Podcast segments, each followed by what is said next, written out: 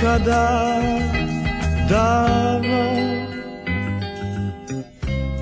Kad sam ljubio morske vale I jurio šore male Vino pio, danju snio O nekada davno dok nisam sreo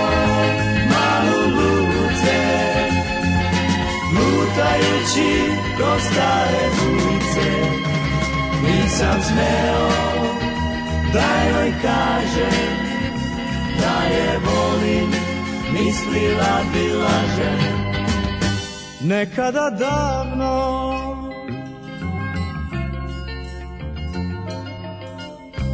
Tad sam bio mlad Sreću sam tražio Kao i vi moji drugovi, moji stari mornari.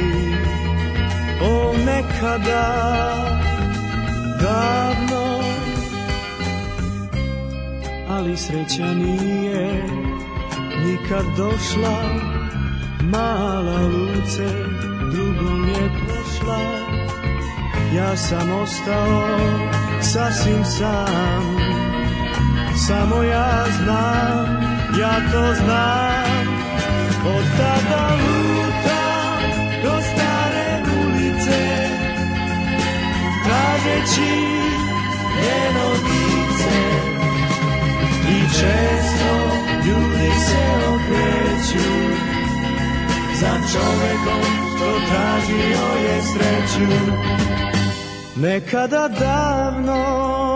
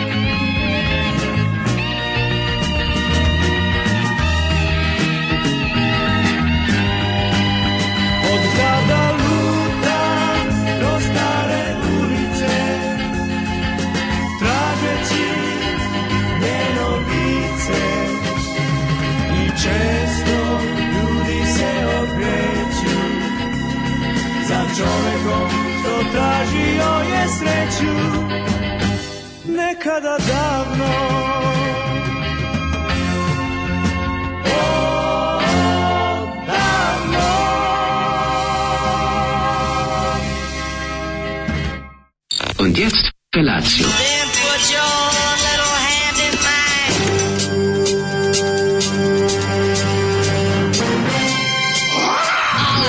Grupa rozvojenih mladića trči po studenom vazduhu pre zore. Alarm! Ima da kane, nema problema. Svakog radnog jutra, od 7 do 10. Hajde, Geri, jako se velda! Nema da prska, nema da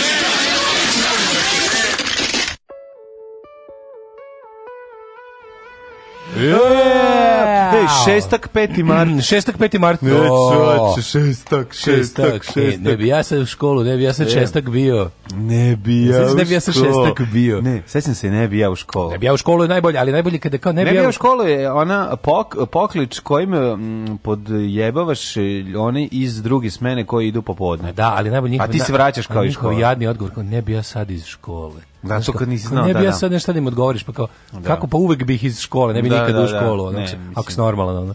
Kao ne bi ja sad iz škole, kao kako ne bi, pa uvek bi iz škole. Ono. Pa ste vi išli jedna nelja pre, jedna mm, popodne, da, da, da, da, postale su škole koje su išli jednu polugodišnju pa, pre. Pa u ovoj, kako se zove, u Čekaj se setim, se ne mogu setim, ja ne mogu se setim u srednjoj školi kako bilo, a čini mi se da u srednjoj školi bilo tako. Ne, ne bilo je nedelja, nedelja. Nedelja, nedelja, bre. Nedelja, to je i najbolje, realno. Naravno da je najbolje. Najgore kad te samo Ju kako je zlo čovjek. Znaš da se ja sad da ja ste u srednjoj školi. Glas, pa srednjoj školi smo išli glas nedelje nedelje. Lik koji to doba, mislim ja stvarno nikad nisam bio čovjek. Dobro, to je prestalo u četvrtom ono, ali nema veze, al nisam čak ni tada. Ja, I to mi je bilo ja sad u školi. Al taj taj koji je ono mm, koji je bacio te fazone, ono je kasnije se oduševljavao na folirante. Da, što znači, nekako čovječ, ide. Taj sada radi za Vojne Deljkovića, piše da, fazone. Više Ima svoj YouTube kanal. za Nešu Ima još svoj YouTube kanal gde ona pa, da. jede, jede tuđe sline i recenzira ih. Da, da. Ali ovaj, bila je dobra isto ona, e, recimo, u mom kvartu bila popularna kad se ide kao isto osnovna škola, pa kao ti si sad, ne znam, lupam, četvrti, a ovi kao ti dobacuju, ti, ne, ti da. si drugi, a neko četvrtog tiče, e, da, ne bi ja da, da. drugak bio. Drugak bio, da, da, da. Sve to, sve to loše. Sve, ne, sve je loše. Nemoj kad si, jednoj, jednoj fazi, ima na fazu u detinjstvu kad si onako potpuni mental, kada otkriveš te kao, uh, kao futbolski klub, to kao uopšte, kao pripadnost, da, navijenje, pa kao, i onda, i, onda ti, i onda to tako sve bude naopako, odmah, odmah, ode u krajnosti, onda u fazonu kao ono, u kojoj školu ti, onda, onda ti kažu, onda ti kažu, ja, kao, je, da, da, da, da šta hoćeš, ceo svet ide u Kosta Trivković, kao bukvalno ga to onda pitaš.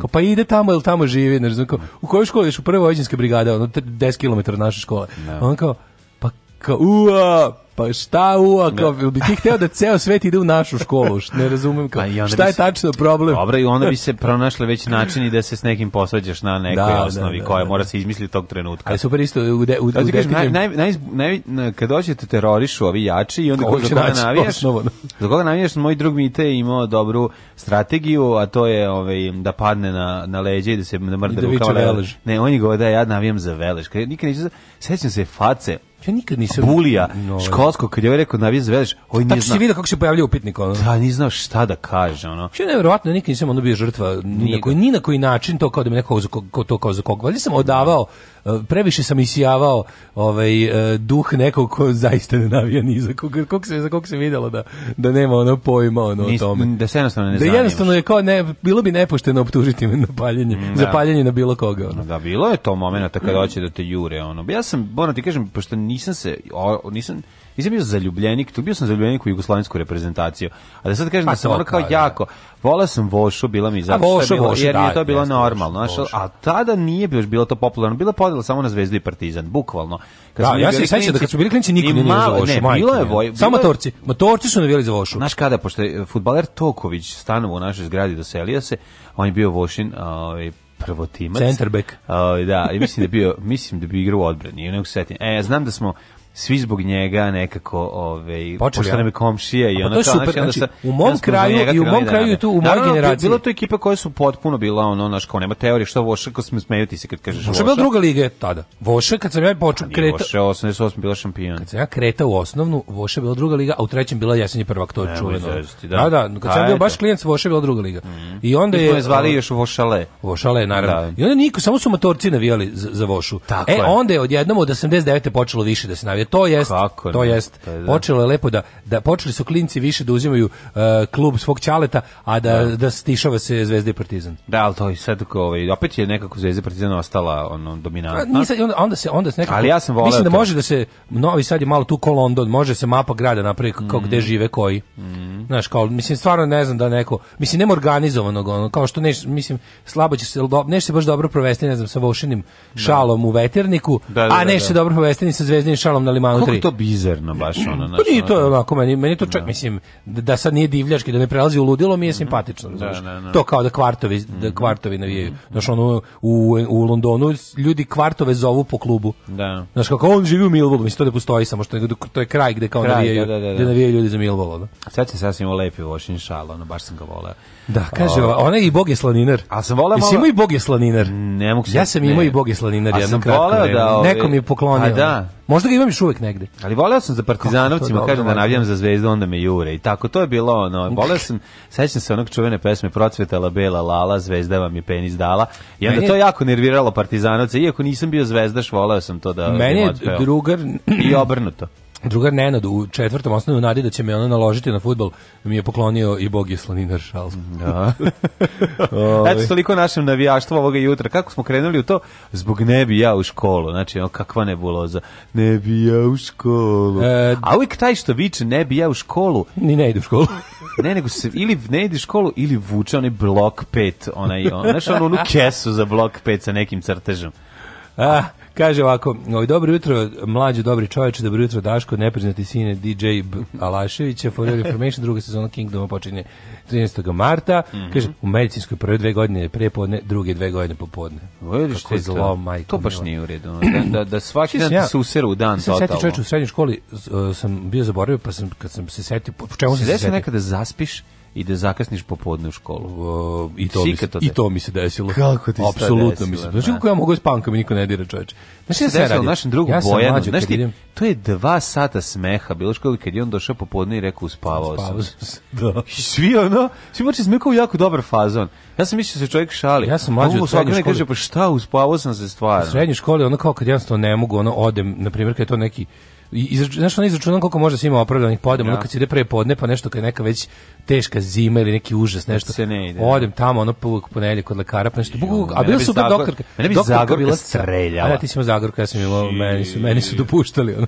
To je super, mene, mene bi streljala, da, pa bi me uživjela, pa bi me opet streljala. Znači, moji znali, kako, znali su da ću uvijek isto proći, ono, znaš, šta god bilo, ono kao proći uvijek isto u školi. Ono.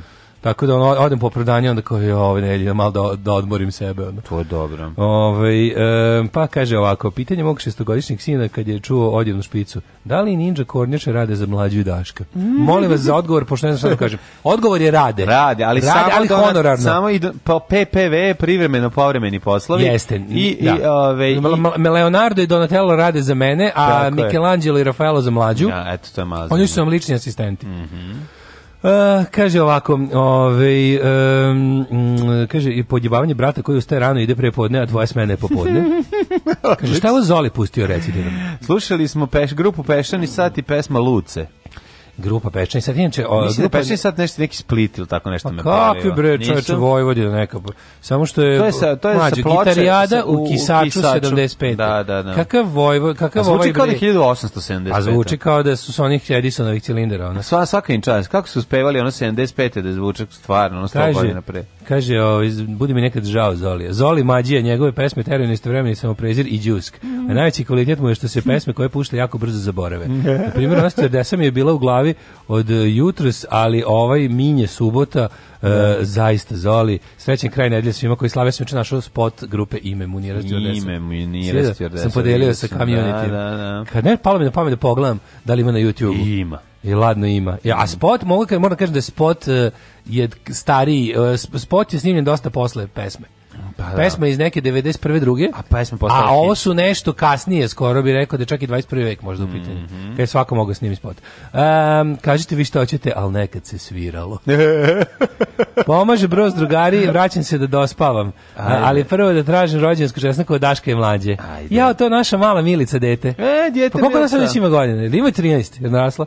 Nije Kaže, porasla, porasla. djete. Poraslo dijete. A kako se vraćaš da dospavaš? Zašto? Aha, ustala si pa, samo da čuješ. Noć, je učila noć. Ustala si samo da čuješ koliko te volimo. Pa, je učila noć, čestitamo Milice srećan rođendan. Ja bože. I, ovaj da nam ona je već završila fakultet. Nije završila. Bog nije čoveče, ja. Kad smo mi krenuli, bili smo na. Pa tu negde pri kraju. Sad je ona posle, ja mislim da je sad četvrta godina. Da sad sluša četvrta. Ja, brate, mislim da je ona tu sad nešto, nemam pojma, neka. Prva godina je bila kad smo imali prvi čabare na na ovom. Apsolvirao se kad to bilo čoveče. Znaš kad je na to Cepelinu? Bilo? Pa pre 4 godine. Kad je to bilo i više. Više, a? No, da, čoveče. O, Sad je absolvent pa možda. Možda mi četiri godine radimo ovako, je. Možda je absolvent. Mi četiri godine radimo ovako kako četiri radimo. Četiri godine? Da, da. Je. A? Mogli bi neki satove nama da, da spremimo. Mogli bi, mogli bi ovom satu stavio baterije, recimo povodom četiri godine, što stoji na zidu i e, ne radi. Sa, e, možemo sa ove, kako se zove, kompanijske kartice da uzmemo za i mene za 10 godina sat. Nema godine. problema, nema problema. Sledeće godine bi trebalo da i da, da nešto napišemo za 10 godina Ja ću rada. tebi da ugraviram ti meni. Može. Ti to ćemo jedno drugo, kao Ajde. Perhan i ona njegova. Može, e, kao e, Perhan i Azra. E, tako ćemo. E, može, dogovorili. Da Šta slušamo? Slušamo Franka, Franka Tarnera. Može. Ajde.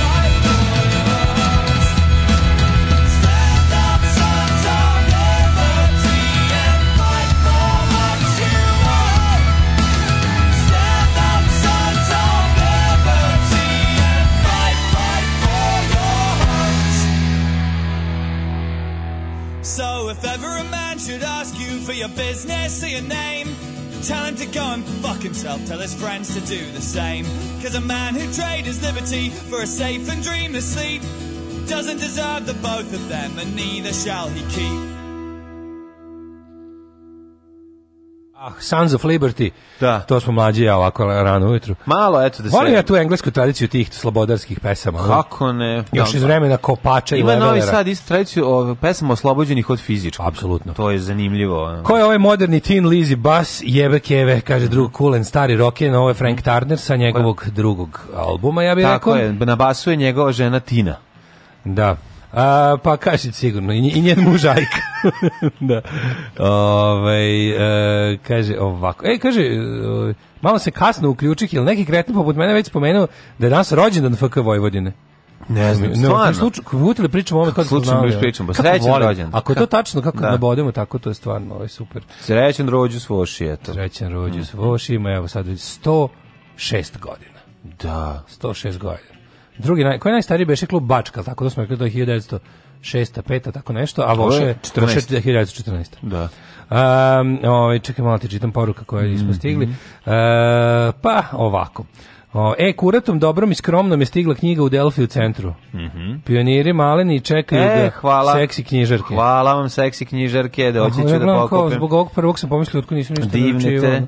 Ovaj. E, divne ste, divne ste, dolazim da pokupim, hvala. E, kako to volim kad mi jave ovako. Volim kad ti ovako jave, ali? Pa naravno. da, pa volio bi jave ovako jave. Ove, ovaj, na temu biračkog spiska. Ti ljudi koji žive u inostranstvu su po automatizmu svi prijavljeni birački spisak opštine na koje bilo posljednje prebivalište. Mm -hmm. Kad se raspišu izbori, možda podneseš u najbližoj ambasadi zahtjev za upis u birački spisak i da glasaš u ambasadi. Ove, ovaj, posle izbora te vraćaju u matični spisak nisu to ni neke ogromne cifre, ali ljudi glasaju, da to je ono gde, gde je Vučić uvijek bio zgažen.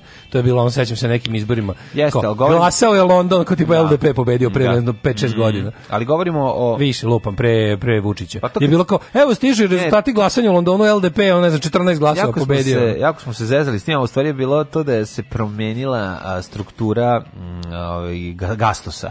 Znači nisu više gastosi. Pa ono, oni stari su izgubili već pravo glasa, da li se odjavili, da li, a ova nova, nova, nova dijaspora koja još nije se izbrisala odavde. Od slobe. Je bežanje od, od slobe od pa Vučića. Od rata i od svega, pa mislim, u Briselu je bilo, mislim i Vučića. U Briselu je bilo na prošlim izborima oko 300 ljudi. Vođa pritom jako dobro zna koji su rezultati po inostranstvu. U prvoj posjeti posle izbora tražio uvid u cifre i jako malo glasova je dobio. A, pa kaže, ovaj, može li e, Čika Stanko da čestite rođen jednom velikom neverniku i bogohulnik opšte prakse pokuša da njega usadi duh gospodina u crkvi Krista Kralja. Slavljenik je moj drug Damjan. Aha, Ajde. to je Damjan iz Pančeva. Ajde, plasiraj Damjanu. Slušalica Marija. Ajde. Dragi Damjane. čestitam ti rođendan u crkvi Krista Kralja i da budeš, mi sam čuo da ćeš ti uskoro postati i otcem. Uh mhm. -huh da ćeš od, da ćeš dobiti otroke mm -hmm. ili bar otroka jednog i um, želim ti da uh, ga povedeš u crkvu Krista Kralja da spozna gospodina i slavu Božiju. Tako je. Primi gospodina A ne da bude Damjane. obezbožen kao ti ljubite Čika Stanko. Čestitamo. Um, pa kaže ovako. Uh, uh, ju, jau, jau, jau, jau, jao, jao, sad sam pročito poruku, pogledam pa podstila. Jesi vidio sinoć ovaj bakljadu čast Vučića na Niškoj tvrđavi? Pička i materina. Bakljavu. Pizda vam materina. Da vam pizda materina pa svima, jo. svima do svakog, do jednog od vas koji drži tu baklju. Beda. Tu majku vam. Kakva beda, ljudi. Ove, ovaj, e, sviđa mi se ova praksa svakog dana Frank Turner. Mm. Jedno pitanje, kako ste vi njega otkrili? Ja preko vas, kao i Babun Show. Frank, Franka Turnera sam ja otkrio... Ja preko Tine, preko Tine. A, ja sam Franka Turnera otkrio tako što sam bio na mailing listi njegove izdavačke kuće tada Epitaph Records, mm -hmm. pa sam, ovaj, tad sam dobio promotivne ovaj, e, diskove ko blesa besplatne i onda mi je mhm. jednom stigao taj Love Iron Song i ja sam bio znači šta je obili breg čovječe za, za 21. vek Mm i on na, naložitba da je bila evo da sam retroaktivno skonto da on bio u jednom bendu za koji sam ja isto čuo, pre da. toga u hardcore bendu jednom, Jeste. koji se zvao Million Dead, koji mi se nije nešto dojmio, ali mi je bilo interesantno da je to isti lik, mm -hmm. zašto mhm. pa muzika, muzika potpuno drugačija onda. Yes. on je bio neki riljavi hardcore Ove, ja sam bio na nekoj žurci kod njegove žene i njenog muža, ove, Tine Turner i na moru, Ajka, na moru i tamo sam, tamo svirao gitaru, pevao i ja sam čuo ovu pesmu Sons of Liberty i rekao sam Frenče, ovo moraš da snimiš sad ili bilo kad i on je snimio. Pa ja ne mogu, slušaj, slušaj šta sve postoji. Treba mi malo pomoći. Ajde. Karakonđule kurate moje. Tako nam se obratio čovjek. Tako da moramo pomoći. Treba mi mala pomoć. Trebalo bi da dođem na dejt u Novi Sad. I to first date. Ti da spavaš ovde? Gde izvesti djevojko? Ja ćeš gajbu. Ajde gajbu ćemo mu dati. Pa da. Možeš doći. ajde, dođi, govorit ćemo se. Ovo je kauč nam je na razvlačenje. Ako ne budete jako divljali. Tako je. A, ove, ovaj- Možete se razvlačiti na kauču, samo ovaj, molim vas... Dok napolju džukci lauču. Kada Daško i ja dođemo da ne nalazimo prostitutku u krevetu. Da. Znači, da. to ni slučajno i nemoj da, da bataš kamagre okolo. Da, i da bude... Da bude Ali nemoj ni da se obrukaš. Nemoj da se obrukaš. Nemoj da se obrukaš u studiju. Nemoj da se obrukaš, molim te, da. pa spustit će nam se mikrofon. I još jedna jako važna stvar, ne dira se mikseta, nemojte jo, dirat mikseta. Samo kantar ne dirate. Znači, mikseta nemojte dirati čak i kad pijeni dođete i onak hoće nešto ne, da čačka. Da, ne, ne, ne, čak i da ako ona bude, čak i ako ona bude zašto, luda. A zašto mora biti ona? Ne, čak Mislim, ono, ako bude, vidi. Da. Znaš, znaš kada, na primjer, kada, kada, kada cura hoće da ispadne ako jako... Ako ste kurati, nemojte se okretati po studiju da Mali je studiju. Da nam ne ispomerate mikseta. Mali je studiju, slovenčić nam stalkaju mikrofon. Znači, to, to, to da se dogovorimo, ako, ćeš, ako hoćeš studiju. A drugo, ove, ovaj, ako bude ona bila luda, znaš kada kao, ja. ja sam jako perverzna. Kaži mi kako si perverzna. Jo, jednom sam s dečkom na kuhinskom stolu. To, e, e, e, to nemate jo, ovde. Ovde, ovde nema kuhinskog stola. A ti kao ja nisam, nema ja da pričam. Na, da, ne. ja ni, nisam ja perverzna, nema, ja sam obično. Jednom Jednom sam je u krevetu, baš sam da perverzan. Da, Imao seks na kuhinjskom. Ispričao se, ispovraćaš i pobegneš. Da, da. Ovaj tako da, ovaj to ako bude bila, ako bude perverzna jako, pa kaže uzmi me na stolu, nema slučaj neki regler da se pok. Da, nemojte se regler na mizan, da posle jedan trebam 3 dana da namestimo. Još gore da uđete u program tako zadihani. Ju zamisli to, seksi program. seksi program. Da napravite Electric Blue. Da. Ovaj može, javi se samo ovaj kad koji je datum i dobiješ te gajbu. Ovde to vam je kao Pa to mi mi mislim da mi vredimo jedno 15 evra Airbnb, 20 u Novom Sadu. Kauč za raz... Ima možda i više. Kauč za razvlačenje. Pa da. Kauč na razvlačenje ne, ovaj za, za razvlačenje. razvlačenje rekao. Kauč na razvlačenje za razvlačenje. Kad se budete razvlačili na kauču, da vojte računa. Ove. Imaš, imaš i gitaru, možeš i zasvirati crne leptire. Ako ti ništa ne bude, ako, Slušaj, ako alkohol ne bude radio. Sestri moram da prevodim šta pričate jer ne, raz, jer ne razume svaku treću reč jer parlate brzo na novosadskom. Aha. Da, mi smo jedinstven primjer ljudi koji brzo pričaju novosadski. To se jako da. redko dešava. Nema znači, to. mi imamo, mi brzinski otežemo. To je jako mm, teško. Mm. To je baš onako kao... Mm. To kao da si world's tallest midget. Tako, da, Baš da, tako, da, da, da. A, uh, to i... kao seks, uh, žestok seks sa, sa stalnim dolivanjem hladne vode za vrat. Jeste, dakle, može, kao može... seks u čarapama. Tako. Ne u seksi čarapama, nego u ovim muškim. Seks, ako još jednom kažeš seks. Tek onda se lepo smeje, da li tu kolonija da je čestita rođendan? Naravno da može da, da ti da budi budam. Srećan rođendan Ikice Pikice. I srećan ti ga rođendan, ti mhm. da budi budan. Pikice i Pikice, da budi To dvoje, su to blizanci, da. bliznakinje Ikice. E, ako je stvarno perverzno, mogu i onom vašem televizoru, na onom vašem televizoru u kupatilu. E, može. Da mi imamo ljudi, da mi imamo ljudi televizor u kupatilu. Mm. To su nikad, nikad nismo rekli, da ljudi imamo televizor u kupatilu krokodilu. Pa ne, ne. Ono stari, onaj jadni, onaj srpski Samsung s početka veka. Ja, znaš koji sam ja projekat imao kao klinac da bi odneo mali Mitsubishi televizor i video player i da mogu sebi da napunim. A TV radi. Napunim kadu i da Neće gledam. Neće TV da mu poklonimo. Nećemo da poklonimo TV, ne možemo da poklonimo TV. Možemo, to nije. Možemo da poklonimo, on će vlasnica da dođe ne, da ne, da kaže to je, to nije, nije njođina, nije njođina. Nego čije? To je ostavilo nekad pod prethodni stanik, nisi nikad pojavilo. Nije došlo po srpski godine, Samsung. Godine su prošle pune muke. Kako bahat. Ja bi po, po izlepljenim nalepnicama rekao da je od, u, da to iz Čerkine sobe. Ne, ne, nije. Ne, ne. O, šta su imamo, imamo da poklimo D3 uređaj, onda poklimo TV. Ne možeš da poklijem D3 uređaj, ja moram da vratim, ja sam potpisao za njega revers. Što ti poklenjaš tuđe stvari? Mlade, pa, pa, pa mi nikad nećemo. Poklon mi poklenjaj svoje. Ja svoje sve već poklonio. A e, jesi, malo sutra. Ja sveži, ja, ja, ja sam najpoklanjastiji čovjek na svetu.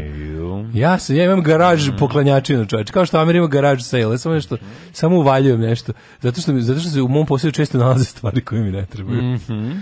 Ove, ovaj, kada si poklanja na tuđih? Kako može da se parla brzo na Novosetskom? Pa evo, evo ovako kako mi pričam, slušaj. Uh, e, ovaj, uh, kaže, e, Bakljadu Vučiću su u Nišu organizovali grobari sa trošarine. Šta god znači. Zašto? Šta to? Možda su, ko je nabavio ove... Čekaj, čekaj, izvini, zašto grobari sa trošarine ako je on zvezdaš? A zato što... Zašto zvezda Srbija nikad u Jugoslaviji? Sve dilazi, vidi, kako ti kažem? Ja ne znam. to nik nije tako ko što, to je, ne, to, mi ti ja imamo staromodne predstave o navijaštvu, razumeš? To sad više to je preduzeće.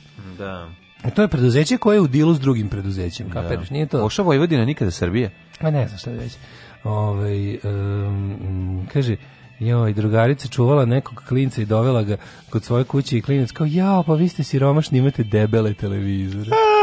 oh, ne, pa mi imamo debeli televizor ali uveca. Oh, vidiš tu što je mali govnarko. Oh, majko Prepoznao Bože. Šta sad je juče? Tuci ga odma. Šta sad je juče? A, ja sam juče uh, gledao Curb Your Enthusiasm i uživao. Oh, ovaj, otkrio si ja Larry Davida po stare dane. Ja Larry Davida mnogo ranije, ali nisam uzeo da gledam epizodu za epizodom, nego sam tako gledao po koju iz različitih sezona kako su se pojavljivale na HBO od kad sam ga uzeo, ali sam sada Ajde kao da vidim. Ovaj, I sad ove poslednje sezone super, ovaj, ima, gostujemo i i naš drag Frede, Fre, Frede Armisen i tako, to mi se baš baš mi prijalo. Tu nema ko nije bio. Pa znam, a ti to gledaš od kraja ili šta? Pa tako miksao sam, sad sam počeo Aha. baš od početka i sam gledao sam, gledam, gledam to već ono pet godina, aj sad, a osobno za serije postoji 20 godina, nije da sam je baš rano otkrio, ali ovaj, od kad imam ovaj D, D3, vrteo sam pa sam našao i tako čačkao i bila mi slatka, ali iskreno nikad se nisam posvetio baš ono da gledam od prve sezone od početka pa da slažem, a sad sam krenuo, tako da prijemi. Šta ti sad ti radio? Kažem, baš ništa pametno. Nešto pisao, onda napisao kolumne, onda posle išao nešto da se... Išao šetam, baš sam se mm -hmm. našetio Prehodao sam ono, Valim, valim kad mi se učini da sam dosta šetao da pogledam onaj brojač koraka, pa da se iznenadim što ima preko 10.000. Proti pa, bilo lepo. Ja, onda sam se kao, kao, Dobar da osjećam se kao da nemam, ja sam vežbao. se kao da nemam 65 godina. Ja sam vežbao jutros. Evo, sad Ustao baš. sam i vežbao. Znači, znaš kako sam bio dobar. I šta? Pošto, pošto, mogu ti reći da sam uradio... Nošenje, da ti se nošenje bijebe e, je super stvar, uradio sam 10 sklekova iz cuga. Pa si ti to, to no, nisam mogu da verujem da ću moći. Možeš sad 10 sklekova da uradim. sklekova da uradim. Da, sad će tome... ti se spavu 8. Neće mi spavati. Ne, već pol sata, pustiš pa, pa sad, razbudi. Pa sad, mleko, sad kafu s mlekom popijem, pa vidiš, pa Bog da me vidi. Danas sam je, danas sam i keksa. Ima keksa? Ima keksa. Ajde. Kad nas nema, bolje da se niste ni probudili. Nema mesta na jastuku koje niste ljubili.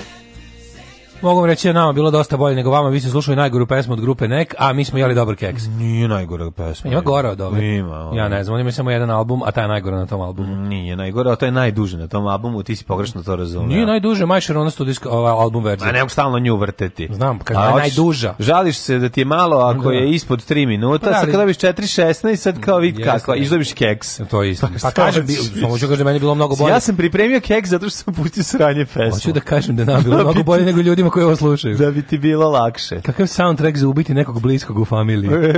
Da, evo, nije dosta što ćopate kekse, nego nam puštate njonjave balade da patimo. A pre toga zabili Clash. Šta za e, ono bilo ono? Stay free, evo neko baš to rekao. Inače, neko, neko je napisao nešto pametno, što volim kad neko kaže nešto da ne moram ja, a to Aha. je, za ime Boga, satana i maršala, prestanite se željama, čestitkama i pozdravima. Ne mogu više u radio dženariku. Pa zar treba monsignor Hočevar da se predstavio gospodu da bi prestali, kao nomad čumak. Evo, Aha. Da. meni je rođendan svaki četvrte, pa nisam smarao. Ok, bila je subota, ali hvala za stay free, pravi narodnjak. Mhm.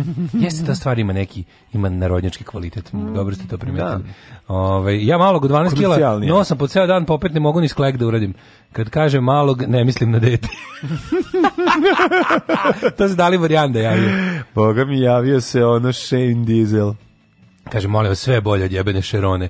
Ove, ovaj, um... Malo, što vam fali, malo, Hmm? Malo slušate radio, kao da ste uključili neki radio i čujete nešto, neku stvar koja kao, wow, šta je ovo? Kao da uključite radio 80 ih kad ste mogli da čujete na radio nešto. Ha, pa da, bre, nije to loše. Znači da sada ne, apsolutno ne postoji nikakva šansa da na radio čuješ nešto što nisi čuo. Zato što sad radio stanice sluš, puštaju samo ono što je neko već čuo. čuo da, da Bukvalno da, da. to je uslov da se pesma nađe na da, radiju. E, hitovi, to mi najbolje kad se, kad se radio hvali sa hitovi non stop, samo hitovi. I onda ono pomislim kao, kako vas ne loži? Ja mi objasnite jednu stvar, kako vas ne loži? Imate radio koji je na nacionalnoj frekvenciji. Možete dođete potencijalno svakom stanovniku ove zemlje i okoline u uši. Jer vas ne loži da vi kažete nekom šta je hit. Da, da vi nađete prvi neku pesmu ne. i da gurate dok ne postane hit. Ne. Kako vam to nije fora? Ne, nije im fora. Fora ima da imaju gotovih već 10 stignu i kažem gotovi, to pa mislim, pi, mislim dovode ovaj dovode da ljudi sa strane da im kažu i, i masno ih plaćaju. Da, pa to ti kažem, plaćaju masno ljudi kažu šta je hit. To je, meni, da, da. to je sve najsuprotnije od radija. To je bukvalno anti-radio. To je anti-radio. To je anti mo, ovaj, modli. Znaš, ono, ako ćeš ti da kreiraš nešto i da praviš kao radijski pregalac, a treba to je, bi to da radiš. To je antimodli. To je da, se modli okrenu grobu. Pa Čim su ga stavili Pa, u grobu. Da. Ove, ovaj, hoćemo mi mladi in the past. Ajmo in the past.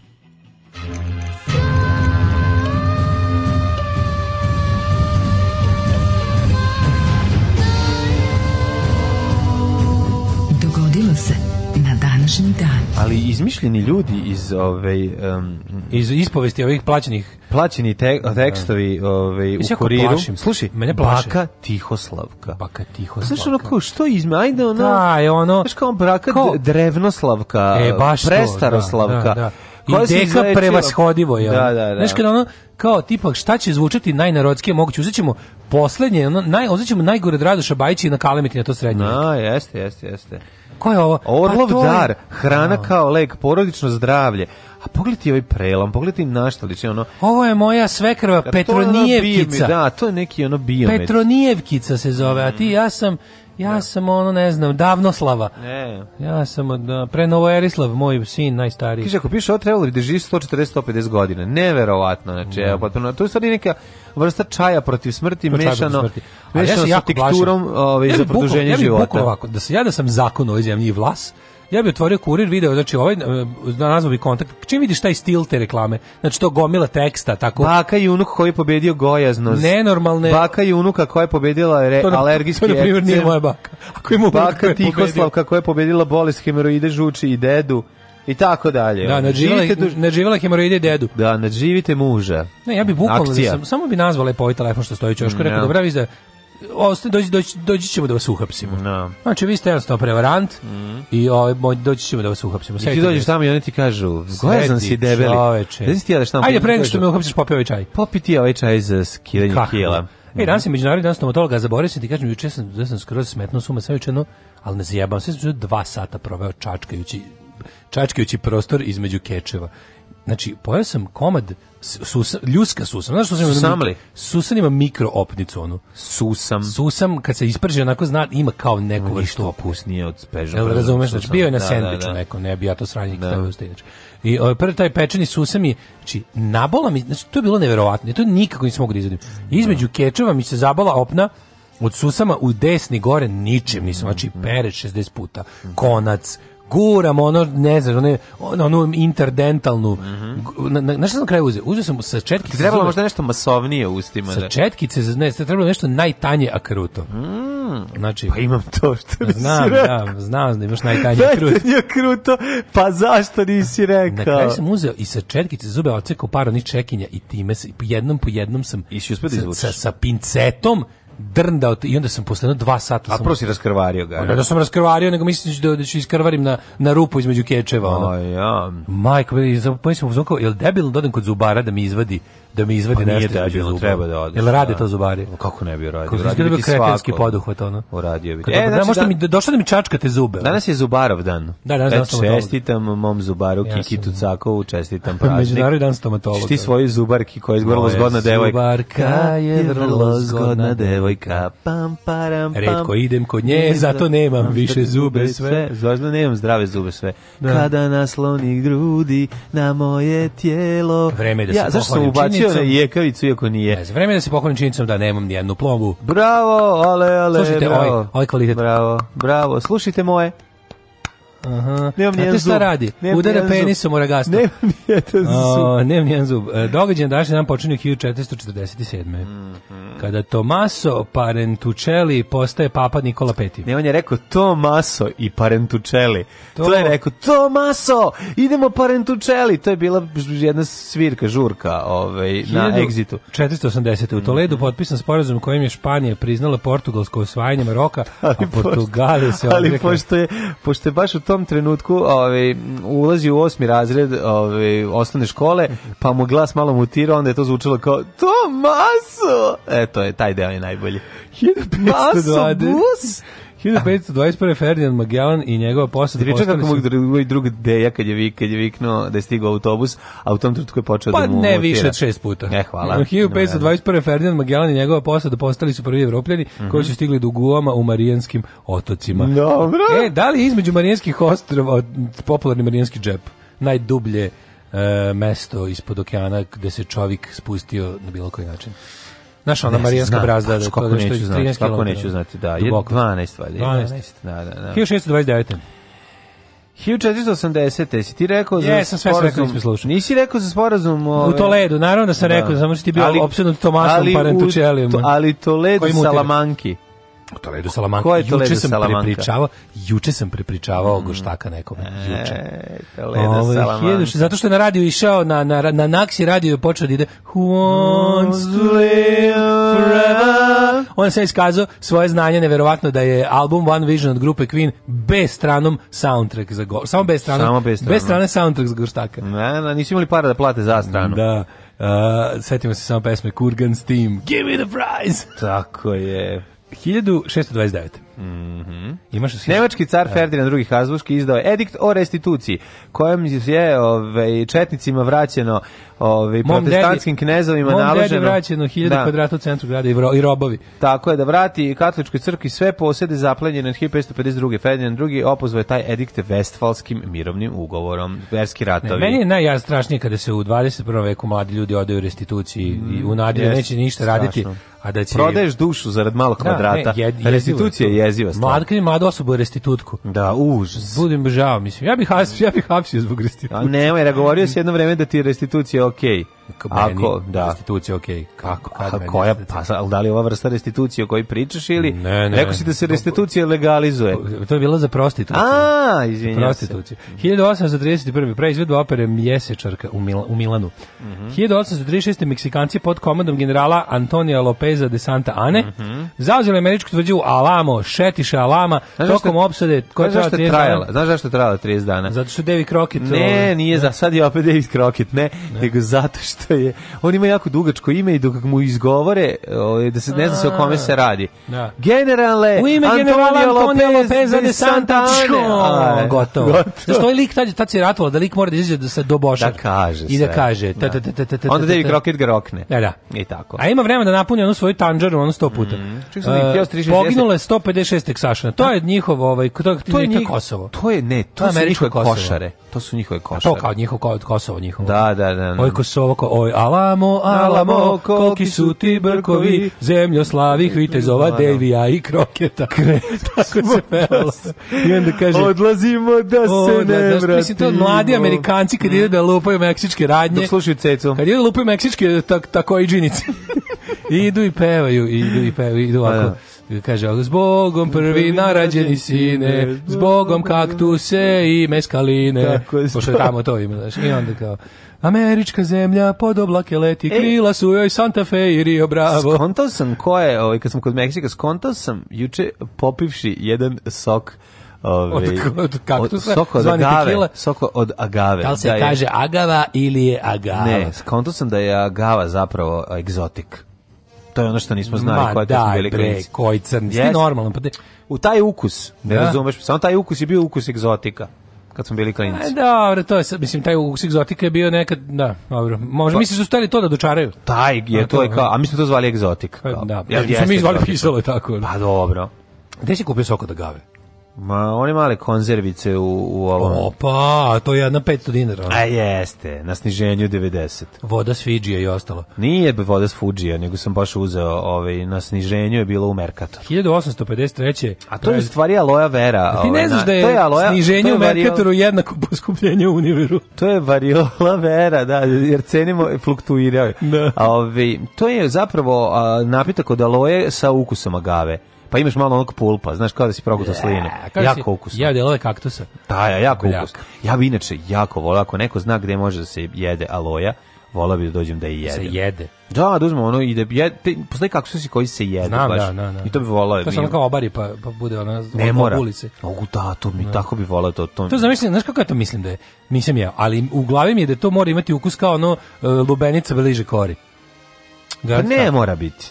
Ne, mora, može biti i dosta slatko. Krastavac sasto. Mhm. E, uh, ali ja skoro ne voliš krastavac. Pa, pa 1853. Volim kad je u društvu ovaj jogurt i belog luka u, u, u pa, tarator salatu. Šta hoćeš? 1853. pravi izvedba opere La Traviata u Veneciji. Posoljeni krastavac i majka. 1853. Dobro, dobro. 1882.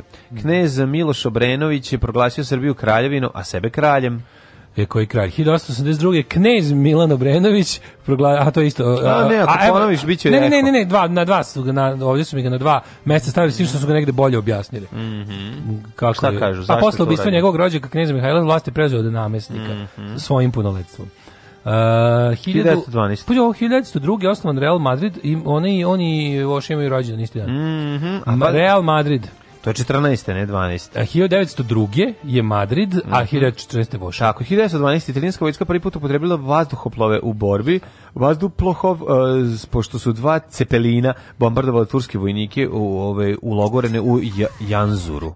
Je li to beše današnje Tripoli, ono današnja Libija?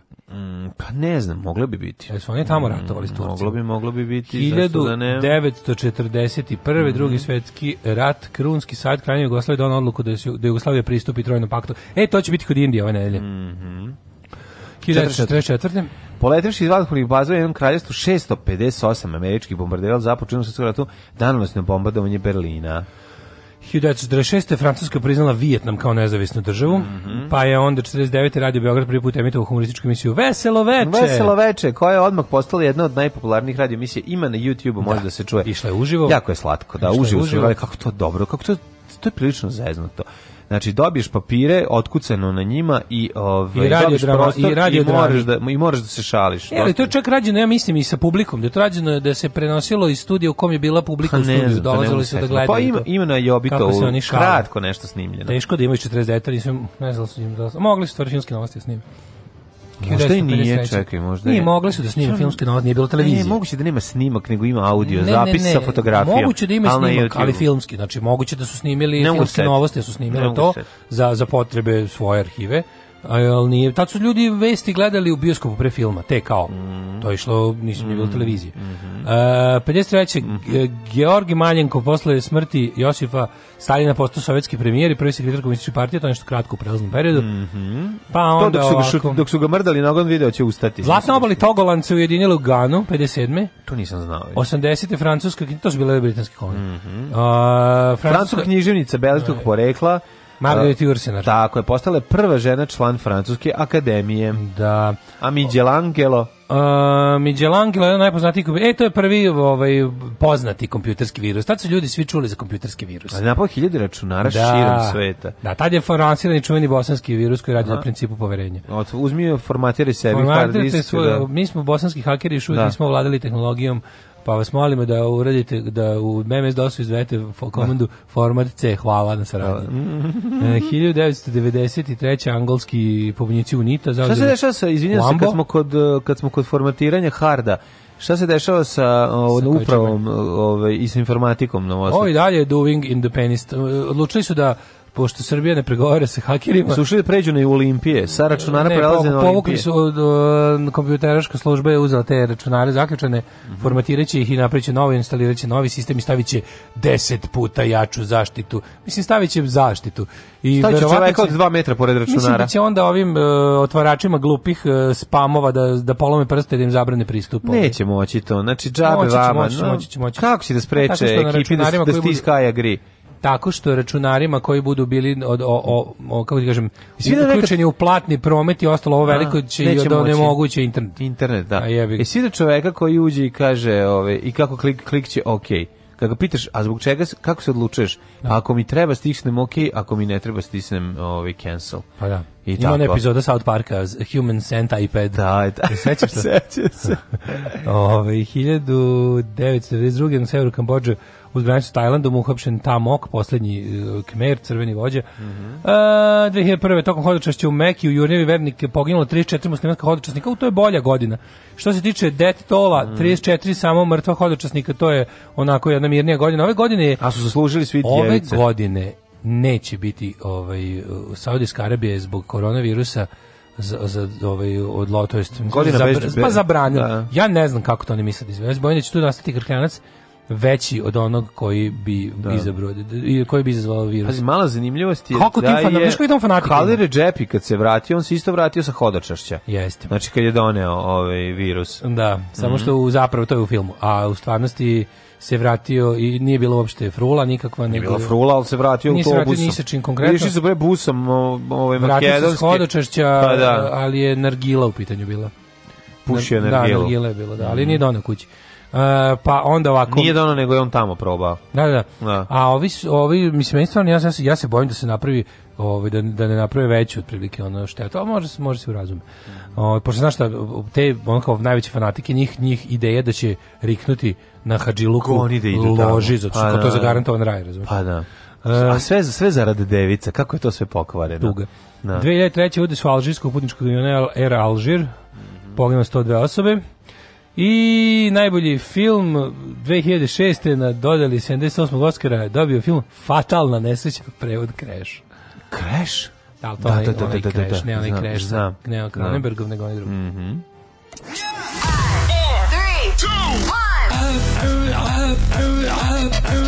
Slušajte, Daški Mađo, u principu mm, dobar radijski dvojec, ali mm, Rusi imaju bolje.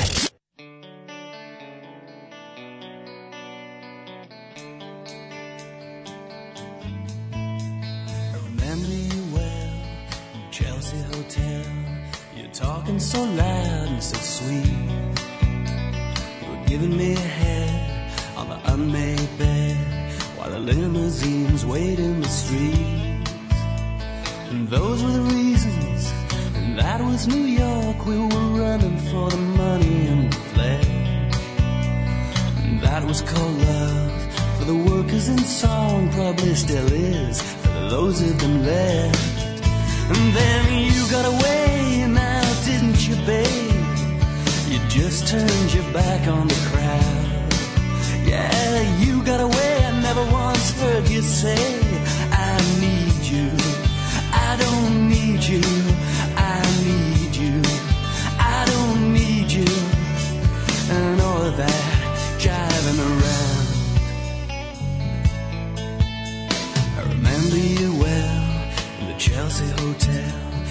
famous your heart was a legend. You told me again that you preferred a handsome man. But for me, you were making exception and clenching your fists for the ones like us who are oppressed by figures of beauty. Yeah, fixed yourself, you said, well, never mind, we are ugly, but we have the music. And you got away now, didn't you, babe? You just turned your back on the crowd. Oh, you got away, I never once heard you say, I need you. I don't need you, baby, I need you. I don't need you. And all of that jiving around.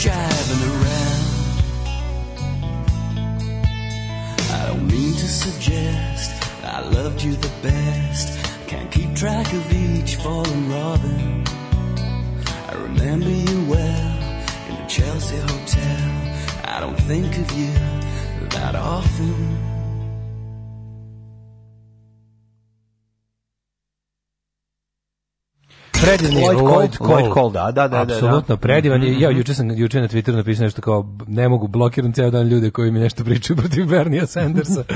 Kako je divan. Oj, ovaj, Slatkiš. Da, on dugo, dugo ga nešto nisam ni vidio, ni čuo i onda mi to izlete na Twitteru, tako, sam, tako mi je bilo drago kao, ah, druže Lojde, volimo se toliko dugo, znao sam da ćemo i bez kontaktiranja istog, da. istog, istog kandidata favorizovati. Osjetiš, pa mislim, Brana Mitrović Lloyd razvaljuje i naravno, odličan je. Naravno, Ove, ovaj, nije egzotik ukusa gavi, nego ovi sad uvaljuje egzotik i lože masu da to super fancy gava.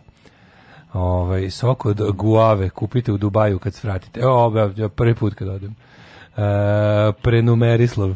Guava nije agava. No. Enumerislav, žao mi što neću imati jednog sina, dosta je bilo od mene. Nadživala dedo, ali ne njegove hemoroide. Mm -hmm. Ove, e, pa kaže ovako. Um, taj deo gorštaka kada oni stari umre, a oni dalje mlad dok ide pesma Once Live Forever od Queen je jedna od najemotivnijih stvari koje sam video kao klinja. Skoro sam pogledao film i imalo isti efekat, da. iako sam mator i kurat. Jeste čujna To je scena kada njegova prvo prvo ne mogu da imaju djece, to je prva tuga. To je prva tuga njihova, ovaj kad živimo u onom zamku gde sve promaje ubija. Ne, momenat kada izvini, najemotivniji ona... momenat je kada Christopher Lambert spase devojčicu u Auschwitzu tako što je uzme kao da, naručio, onda kao da, da, njega da, izrešetaju. Ovo je magija. A on onda I kaže njoj ovo je magija. Hey, it's, kind of magic. magic da, I onda da, uzme i onda uzmeš majsir i ubije ovoga. Da, ubi švabu. Kako je to dobro. Da, a dobro je kad se pijan tam fajta u onom 16. veku ovaj u Francuskoj. To sam ja zamislio da je u Francuskoj, ja ne znam da, da se da, da, da, Ja se još oporavljam u Drši, juče. Gledaj, kako se niti jedan kontroverzni biznismen kod nas ne zove Aršin. Da. Na primjer, Petar Arsić Aršin. da, to bude kao kriminalni nadimak. Kva je? Ne može, mislim, Aršin bi mogao da bude ono kontroverzni biznismen iz 18. veka. Kaže, gde ima da se vidi, da ima da se vidi vaš snimak iz Pančeva. Naš snimak iz Pančeva da se vidi na YouTubeu. Pa da. Pa da. Ukucajte Daško mlađa Pančevo, Newsnet Pančevo. Imam ja pelcere aloje, ako želiš poslaću ti. E, Imala sam goste koji to jedu. Neki žele, jel da? Tako e, kao žele, jeste, ali bi voleo da probam, da. Čekaj, je ovo agava ili guava? Možda je guava, možda sam ja pogrešio. E, sad. Mm, iz, dok sam sok dok sam to mislio na na dijete sam pazio tako da ovaj pili smo sok i ja sam gledao da on se ne ispoliva sa svojim sokom od jabuke tako da moguće da mi je prom da smo mi neka slava promakla Ajmo ovaj, um, da vidimo kome su rođeni danas. Ajde, ajde. Ja. Danas je Ivan Vojvoda od Lancastera rođen, mm -hmm. 1340. A, pa Ivan drugi, koji nema veze s Lancasterom. To su Johnovi, je li tako? Pa John, pretpostavljam. Ček, 1475. Michelangelo, Buonarroti, italijanski vajer, slikar, da. arhitekta i pisac. Ja se uvijek iznova iznenadim, kao, ja Michelangelo nikad ne, zanimam, ne, ne zamišljam kao ovaj, suvonjovog, ono, alko sa dedu s bradom ispred ono, uvijek zamišljam. Kučka kao, žika izgleda. Ovaj. Da, ako žika mhm. izgleda, izgleda ovako. A, da, a šta ste ti mislio? Pa meni Michelangelo uvijek neki kao mladić, ako zgodni neki frajer, onako kao pa ludi. Nije, umetnik. zato što je to što je on tak, pa zašto kako to tako? Pa kao ja zamišljam sve te kao Caravaggio, Michelangelo, sve likovi mi nekako mladi, mm, onako kao neki, urati. kao dobar frajer sa akademije. Znaš, kao da, taj da, neki, da, ono... neki enesi, onako. Sve. Ono čega si ti, sve neki enesi, enesi plusi. da. Aha. Ove, ovaj- e, si ih tako ti zamišljao? Pa da, kao da, ono, da, sve da. neki, neki ktičevi, da, majko, a u stvari, dede, ono. Da, da tih, tih zamišljaš kao ove, brada filozofe, a oni su, ono, no, Oni samo brada. Na, na, na. 1619. Mislim, kaže, bio jako prek Michelangelo. Da se ljutio kad nešto nije po njegovom, da je to bilo strašno. A radio za crkvu, oni biće kako oni kažu. Ne, radio, ma, stvari znam da istera svoje, znam. On je da- radio, za crkvu, prije, da pa crkva bila mecena, mislim. Mecena su mu bile da porodice, da ove, koje su tada bile bogate. Pa znam kako najviše da ima para, najviše pa, radio, najviše su one bile. Najpo, onda kao evo ti oslika u crkvu, ali mi ćemo platiti. Najpoznatije po svojim delima za katoličku crkvu, da. 1619. rođen je Sirano de Bergerac, francuski mhm. književnik. Sirano de Bergerac od cigare opušak. 1787. E, Josef von Fraunhofer. Bio je najpoznatija verzija Cyrano Bertrana de Bergeraka, ona, gde je Đeprđe, da, da, da. 1806. Elizabeth Barrett Browning, književnica, mm -hmm. Simon Vinaver, poljski šahist. Šta mu je on Stanislav Vinaver njemu? da. 1874.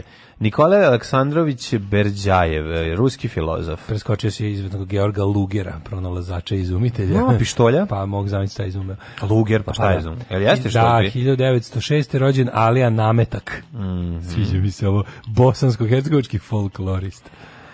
E, Branko Pleša, 1926. 1914. Vjekoslav Luburić, poznati kao Maks. Ju, Maks Luburić. Ustaški ratni zločinac. Kakvo zapovednik sistema koncentracijskih logora, među kojima je bio i Jasenovac. Kakvo zlo je. Da, verovatno najgori. Da. Naj, e, Maks Luburić najgori, najgori među najgorima. Da. Uh, Đuro Pogledaj, krvavi Stip je bio gori od njega. 1926. Branko Pleša, to smo rekli. Da. Srpski glumac, jugoslavenski glumac. A Andrzej Vajda isto bio? rođen kad je Branko Pleša, 26. Mm -hmm. Isti dan. Da Branko Pleša bio nove, mm, ovaj, drugi da. suprug od, ili se na to lupio? Ko je bio? Ko je bio suprug? Olivera Marković. Ja nešto mislim da jeste. A, ili se na to umislio? Ja nešto mislim da jeste. Ne znam, nakon raskida sa Radetom. Da, da. 1927. Da. rođen je Gabriel Jose Garcia Marquez. Mhm. Mm pisac. E, 1930. E, Drug Markesa. Šta najviše voliš od Markesa? Oh, šta pita? Ti mene pitaš šta ja volim. 1930. rođen Lorin Mazel, američki dirigent, violinist i kompozitor. Ej, Dušan Bulajić, srpski glumac, 1932. 1937. Valentina Tereškova, sovjetska kosmonautkinja, prva mhm. žena u svemiru. Žena inženjer, kako je dobro. Živa i danas. Jako je onako zajebana na ovoj slici. E, živa danas i podržava Putina. Šta će? Da ona, ona je žena uz vlast. Znaš da nju, kad bi probude, pucaš u nju, a da ona nosi sve svoje ordenje da bi ona preživela. Koliko ne, ona ima tablu, ordenje, ima da. tacnu na grudima. Mm -hmm. 38. E, Radmilo Armenulić. Da, ten, ten, tenisač. Teniser, selektor reprezentacije On je... Ej, znaš ko je... Jel on muž bio Silvanin? Um, nemam pojma. 42. Mm. rođen je Miloš Jović, poznati kao... Čekaj da vidimo.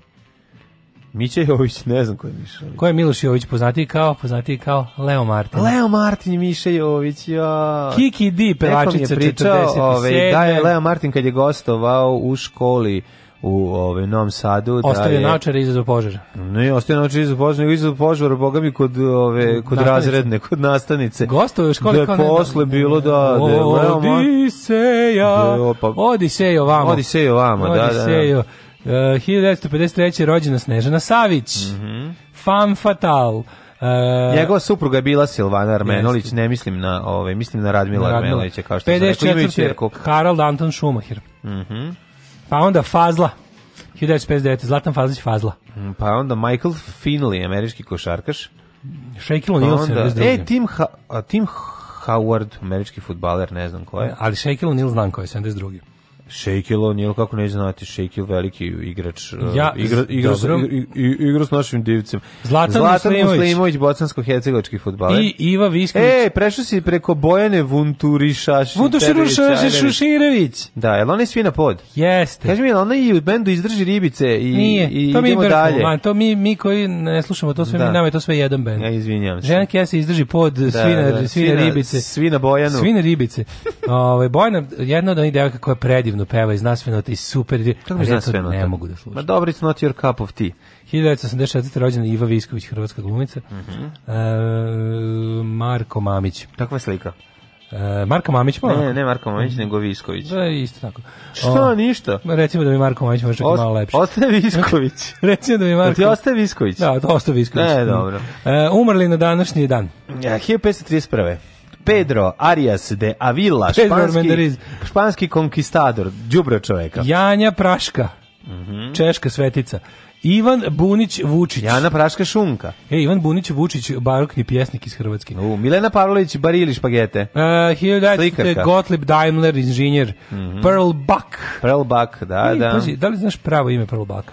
Mislim da se Pearl zove... Comfort da. Siden, Siden Striker, američka Siden Striker. Sider Striker. Mm -hmm. Umro Krešimir Kovačević, mm -hmm. muzikolog, teleksikograf. Melina, Melina Merkuri. da, grčka glumica, e, lepa Melina Merkuri. Najpoznatija verovatno grčka glumica, ovaj, Lucija Rudan, Nije. pjesnikinja je umrla 2005. Mm -hmm. Pa je onda umro Dalibor Paulik. Kako se zove jako, ovaj, kako se zove jako visoki stanovnici Merkura. Jako veliki? Da, da, da. Merkurčine. Ne. 2012. umre Slobodan Petrović, poznati kao Petar Slaj, uh, e, baletski, baletski koreograf. Da, da. Njega su zvali Petar Silvester Stallone, Petar Slaj. Stallone.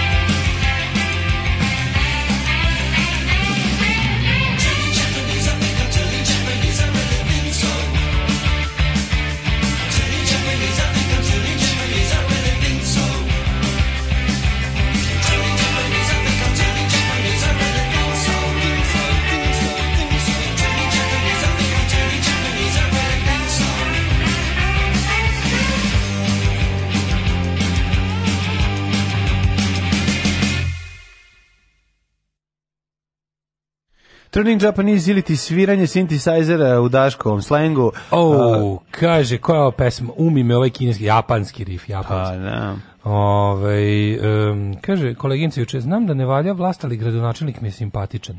A, to je Svaki što... Božić i Uskrs u crkvi, zna i da peva. Videla sam ga na liti iza svetinje Crne Gori. Onda usledilo pola sata objašnjavanja šta je politički pozeraj, ali mislim da nisam ništa postigla. Ništa. Ne postigao, izvinjam mm -hmm. se. Mhm. Jebem ti sisteme vrednosti i društveno nesvesne ljude. Obična žena nije loša osoba, ali se bojim da je odličan primjer odličnih tipičnog rezona. Da, da. Gotlib je nemački bogoljub. Jeste, jeste. Ove... Ovaj. A, Gotlib, da, da, da, da. E, kaže, opet grešite. E, kaže, Dušan Bulajić, je ovaj bio drugi. A Dušan Bulajić, aha. Dušan Bulajić bio drugi. Ček sam da im nešto, nije on možda bio na ovoj listi isto. Najbolji Daško iz Pančeva kad je iznao da shvatio da mu voditelj zvuči kao Vladimir Arsenić. to je bilo neke stvari koje nisam mogu, bukvalno ih htela da izađe iz mene, jer je da. toliko saznanje bilo prejako, a dugo e, sam se mučio. A sad ćete reći šta je bilo. Dušan Bulajić je isto rođen na današnji dan. E, pa I zato mi se to ono pomešalo. A, ti ih tako znaš po rođendanu. Da, Dušan Bulajić i Branko Pleši, Dušan Bulajić isti dan, sa što ovaj 32. godište Čoveče, hvala. Znači, tu, tu, je, tu je došlo do, do naše... Ovaj, um, um, naše greške. Okej. Okay. Ne, nego sad razmišljam kao imaš taj moment to, to kad sam ja kad, kad sam ja ono u, ja sam ja se dugo mučio da da, da zašto i onda kad mi da. izletelo da lik zvuči potpuno kad kad mm -hmm. ga mhm. ne gledam, kad se žmurim, ne. kad samo uključim ton, potpuno zvuči kao Vladimir Sinijević. Ili imaš ti nekad taj moment kad je nešto što se mučiš da da ovaj da da skontaš i da ti samo sine da moraš u tom trenutku naglas da ga kažeš. kao makar bio sam u prostoriji. Pa ne, e, tako ovo... sam se ja tad osjećao. Dobro, nema bio dobar fazon, dobro što si rekao. Mislim. Ne, bukvalno je bilo kao, znaš, kao, ne znam, ono kao, kao če, to, kaš kao, eureka moment je bio. Ne. Da. Moram da podelim sa cijelim razredom. Ove, ovaj- A možeš reći da je bio ovaj fenomen činjenica da su meni pogrešali ime prezime, a ne tebi. A dobro, koji je pre je. toga izgovoren. Dobro, to, to je. se desilo je vedrene rudan, šta hoćeš. Da, da, da. Kaže, juče ste pominjali najgori ruski, ruski film iz 2019. Balkanska međa. No. Da. Sniman je tamo gde ja radim na univerzitetu. Biković uđe u laboratoriju, počeo da se bahati. Kad sam ga zamolio da izađe, rekao je, znaš ti ko sam ja? A nemoj se baviti toliko jadno. A daj, nemoj. A, a nije va toki šupak. A ne, nije. Ne. A nije valjda, aj sad. Kaže, a ja sam odgovorio uz najteži crnogorski akcent koji sam mogao da smislim pri izgovoru ruskog. Nemam pojma, ali znaš li ti ko sam ja?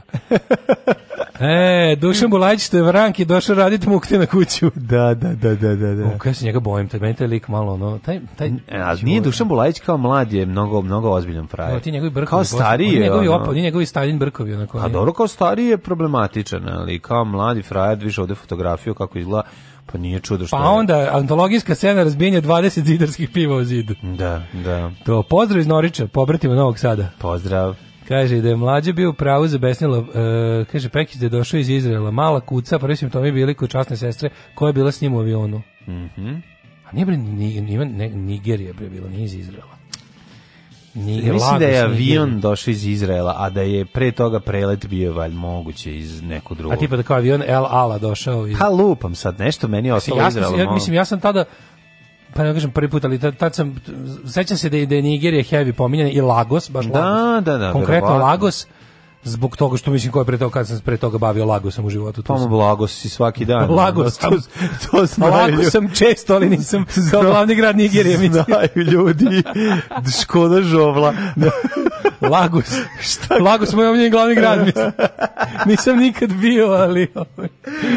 Ajmo, ovaj. Dobro, na vajce, mogo se, ali nisam teo. Pa teo. jako mi je smiješno to. Daj mi jednog brzog, jednog brzog hitmeta. hitmeta. mi te vešnje iznijela. Ajde, Ajde lebat.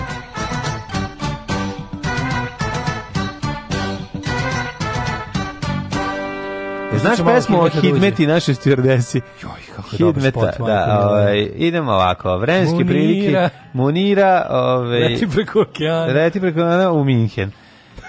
Četiri fe, dobro, šta hoćeš, nije se letelo tada. A se Atlas imao majku? A, jeste, imao se malo sutra, nije se imao Atlas. Ove, ovaj, umjesto da se kupi Atlas, kupila se ove, ovaj, 100 grama kafe. kafa, rahatlokom izvela se mačkica na baš čaršiju. 4 5 6 6 6 5 5 5 6 6 6 5 ako ovo pozovete ja mislim da su oni od baš čaše daleko koliko i ti ja pa moguće i to da pravcu. pa moguće i da nisu da no. Da, a dobro otišu u Sarajevo na ekskurziju čuvalo se za to ajde Uh, da. 767761, aj ti sad dalje. 134, Crni vrh 1, Negotin 3, Zlatibor 4, Sjenica 3, Požeg 1, Kraljevo 5, Koponik minus 1, Košumlija 2, Kruševac 4, Ćuprija 5, Niš takođe, Leskovac 2, Zaječar 0, Dimitrov grad 1 i Vranje 0. Na celom Srbijom su oblaci tamni i iz njih će početi da pada kejš. Mhm. Mm Jel vikend govno? Pa vikend šmrling. Da, da, da. Can we govno? Na, bit će sranje. Znači, 12 je danas maksimalno, sutra 11 je kiša. Evo, nelju bude neko razvidration. Ovaj Tako vikend odmorit. Tako je. Treba da- Sledeći da... se ide u Zagreb, onaj tamo se snima. A, oh, majko mu čoveče. Znači, ovaj ovo je za odmor. A ovaj onaj posljednji se ide u Malme.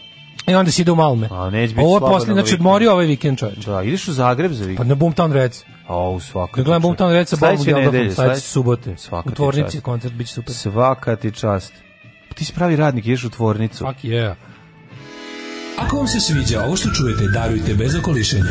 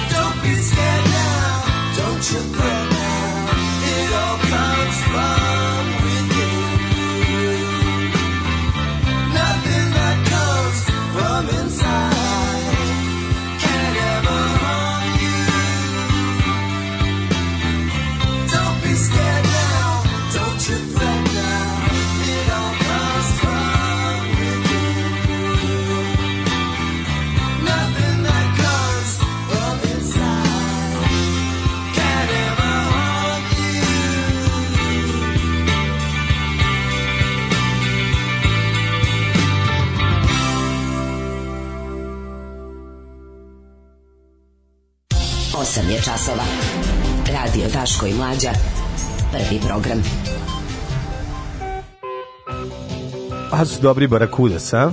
O, odlični su, odlični su. Uh, Slušali Barakudas, a o, u 8.20 e, Barakudas u Magliz, a mi sada o, ulazimo u drugi sat kome ćemo da bistrimo politiku kako nalaži zapoveda.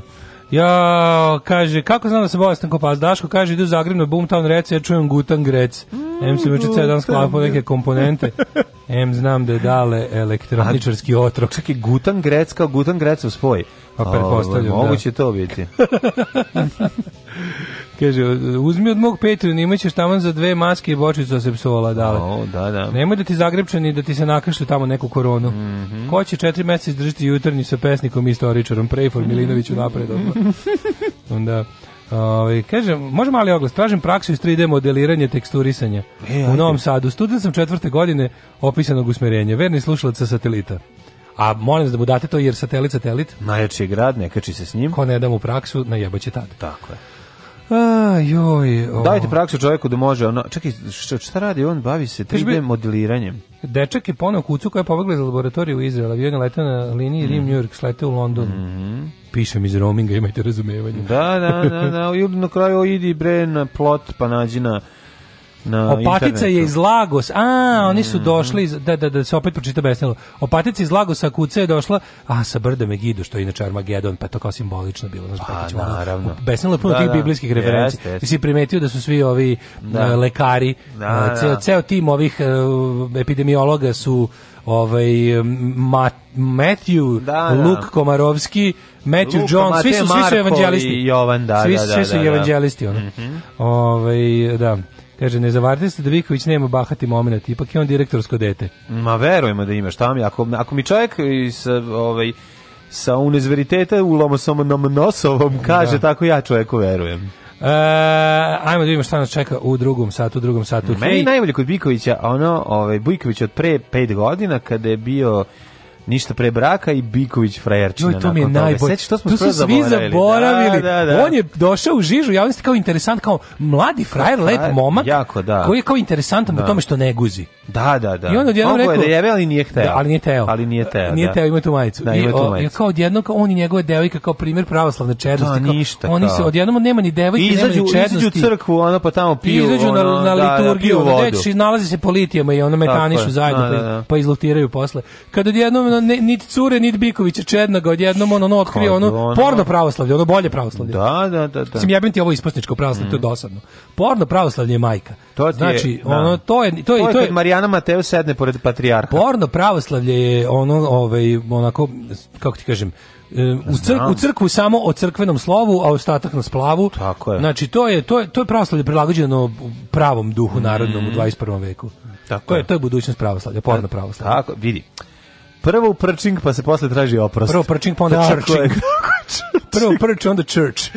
U narednom satu ćemo da vidimo Krici Odjeci naj 50. godišnje nije da, rođendana. Ali što nam je otvorio fabriku čokolade Fabrika u Novom Sadu. ostaje ključ od stana i fabrika čokolade na storu plazna časa, sve je tu, a gde je Nataša? Čuveni Berica Lebaut nam je došao. Berica Lebaut? Berica Lebaut. E, Berica. Berica Lebaut, pa čuveni Berica hrvatski, Lebaut, čuveni. hrvatski proizvođač čokolade. Znate li Bericu Lebaut? Berica Lebaut. Berica Lebaut. Berica Lebaut. Konditor iz e, Zvečeva. iz Bericu Lebauta, koji sasvim slučajno otkrio da voli čokoladu. Pa da, Berica Lebaut je e, u manastiru Prohor Pčinski, uh, mešajući Prohrom, jeftine... Prohrom, Prohrom Pčinski. Prohrom Pčinski. Mešajući jeftine ove, um, jeftine um, keksove i dodavajući im kakao napravio što je, prvu domaćicu. Što je? O, što je tajni recept? Tajni recept. Berice, lebauta, da. dobrih svuda u svijetu cijenjenih čokolada receptu su najjeftinije sirovine i jeftina radna snaga da. iz Novoga Sada. Naša je jako, naša ozbiljnu novosadsku sirovinu od 2 metra, da. koja je bila jako jeftina i on je radio i pravio mešote čokolade.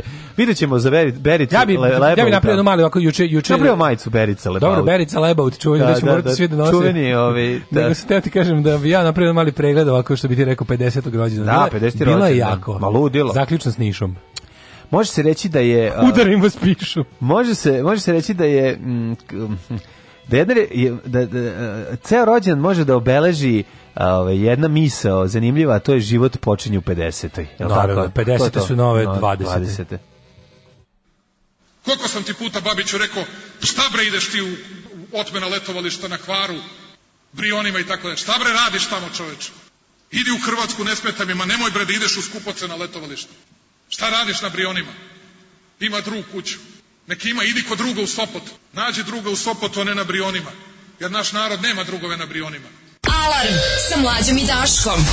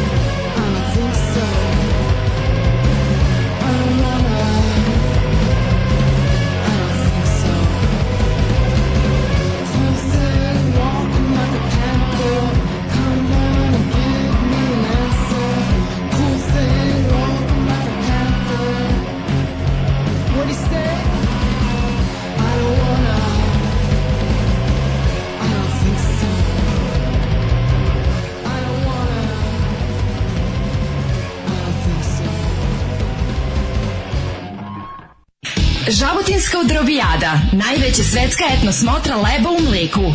Opštinski budžet isprazniće. Isprazniće. Sandra Ilić i Botanika, Ivana Jorgan, Jelender Band, Krasta. Dođite nam u Žabotinu.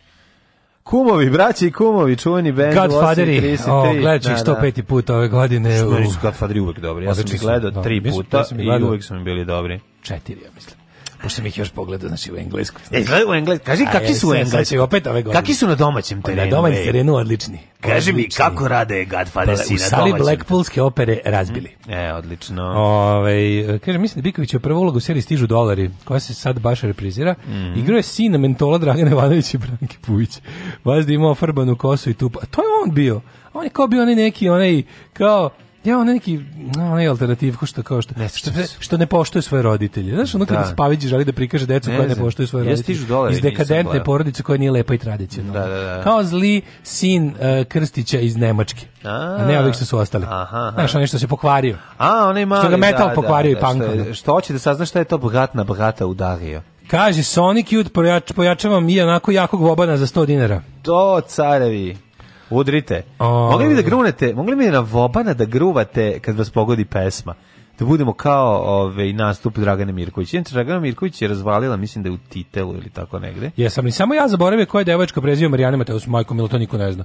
Pazi, ona je toliko dobro se udavala i uvek uzimala muževljevo prezimena u, u, u vremenu kada je jel kao već polako to postalo pase i odlika patrijarhata i, i tradicionalnosti. Čekaj, bila za pravi šećer udete pre toga. Ona je da? dobro prezimena koje se ne puštaju lako, mislim. Da, da, da. Moramo razumeti. A pa mislim, koja će biti jača od Marijana Mateus? Da ti kažem. Realno. Sad ako se, mislim, za koga da se udara neće, neće, neće imati to zvučnije jače ime. Vjerojatno će Mateusa zadržati do kraja života. Um, kaže ovako, pozdrav iz Zagreba, bili su na koncertu My Body Musa. Iz da, Variječka e. benda u Vintiđu. Jesu razvalili? Da, e, odlična, po, odlična svirka, ali bilo je malo publike. Danas to, pa, vožnja to. starom uspinjačom, starom uspinjačom, pa nazad, na, nazad za Bečej. Zašto je bilo malo publike? Kermita, Žabca Čekaj, i Miss Piggy. Pa nije bio vikend, majko. Što nisu stavili za vikend? Ono, da, moguće. da, pa jedan po dva. Znaš ti koliko ima? Ja gledam, pošto drugar moj jako mm -hmm. dobar, on, on drži ovu radnju sa pločama, pa prodaje ulaznice za događaj. Znaš, on ima taj mhm. one-stop shop za sve živo što se tiče popularne kulture. Sve ja gledam, on dnevno znači u Zagrebu ima toliko događanja da oni da. da. dnevno po njim Instagram storijima gde on kao nudi karte za razne stvari mm -hmm. koje se tih dana događaju u Zagrebu. Pa ima jedno uvijek 15-20. Znači, to, to, je, to je ono baš neverovatno. Da. Tako da, kao, znaš, ono, aj, pazi, u, tom, u tom vintage ima toliko dobri, to je mesto u koje bi ti ja išli da živimo da. u Zagrebu, već to da bi tamo visili, jer su svirke tog, te, tako, ono, prilike našeg kalibra.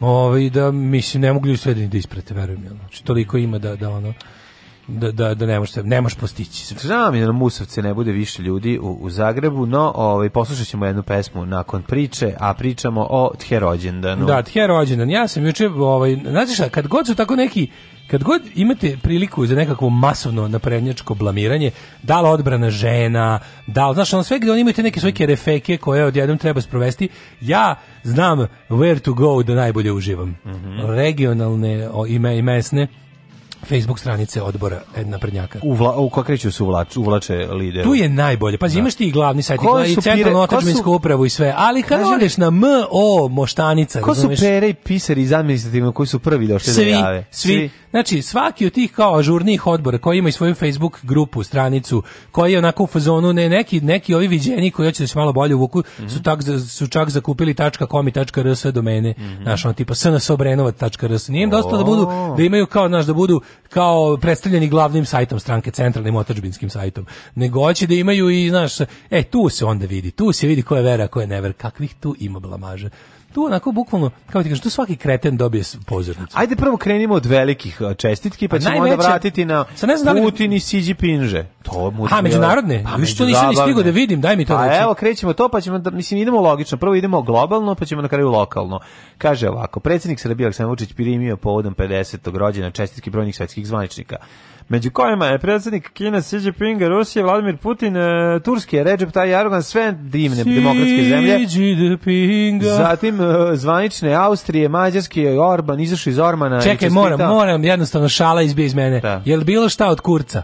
E, od Kurca ništa, ništa, iz, ništa od Sebastijana. Dobro. U stvari, to da vidimo, verovatno jeste, ali nisu još pomenuli, pa svi su mu čestitali. Kaže ovako, u želje za dobro zdravlje, kineski predsjednik je e, se nakašlja u čestitku istakao da e, e, Pride veliki značaj razvoju kinesko-srpskih odnosa. Dobro, predsjednik Rusije Vladimir Putin srčno je čestito 50. rođen istakao da Vučićev doprinos razvoju prijateljskih odnosa između dve države veliki zatim visoko cenim e, razumevanje to je koje meni su dobre, premijer Mađarske, Viktora, pređe mi da poklone. Viktor e, e Orban e, čestitao e, e, e, Vučiću. poklona. Kaže, ti si mađarski ja, ti si srpski ja. Ti si, da. Ti si srpski ja kad Naši narodi nikad nisu bili bliži u nakaradnosti. Bilo je, slušaj sad šta je bilo.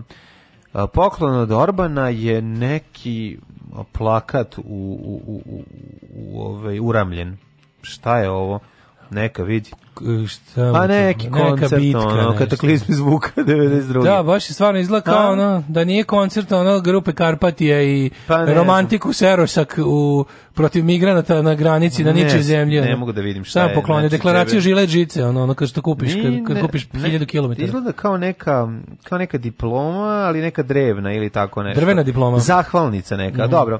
To o, je zahvalnica. O, zahvalnica, o, mnogo zahvalnica. si se, mogu si postati neki tokajac, pošto znaš da naš pred predsjednik ne pije, ali se razume. Da, da, da. Ovaj, to je jedno. A druga, ovaj, Erdoganov dar, Ukrajin, uh, ukrasni tanjir iz Turske pogle kako lepo ali al će pretrgu al će da ovo Mislim, stoji na zidu stojeće na zidu ovo. to je moja baba bi ovo tako stavila znači ovo je takav moja hop baba što mene tiče hopovski za novu tanjir. godinu jela iz ovoga da, ovo je hopovski tanjir moja baba bi oprala i vrati pa ne bi ga ni pipnula lepota tanjira se znaš, ceni lepota tanjira se kod tako, baba ceni po ne, tome koliko ne bi jela iz njega jel ti znaš da se, da ja imam u, u tanjire, babačkom i dedačkom tanjire, ovaj, našli sistemu smo, vrednosti. Našli smo tanjire sa oslikanim ribama.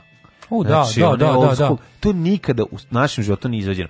Ja to nikada neću razumeti. Moja, znači, moja baba život je imaš, ukrasne tanjire. Ceo život imaš taj tanjir. to nije ukrasni, taj tanjir sam lepo oslikan, to je upotreb. Mislim, tanjir iz kog treba se jede. Da. I sad ti kažeš ono, čekaj, ceo život si ono cepala iz metalnog tanjira da bi ovaj stojao sa strane, šta ne može da veruješ. To je, to mi nećemo nikad razumeti. Nik, nećemo to razumeti, um, da. E, to je malo, to, to su je oni nepotroša, oni su nepotrošačko, društvo. društvo.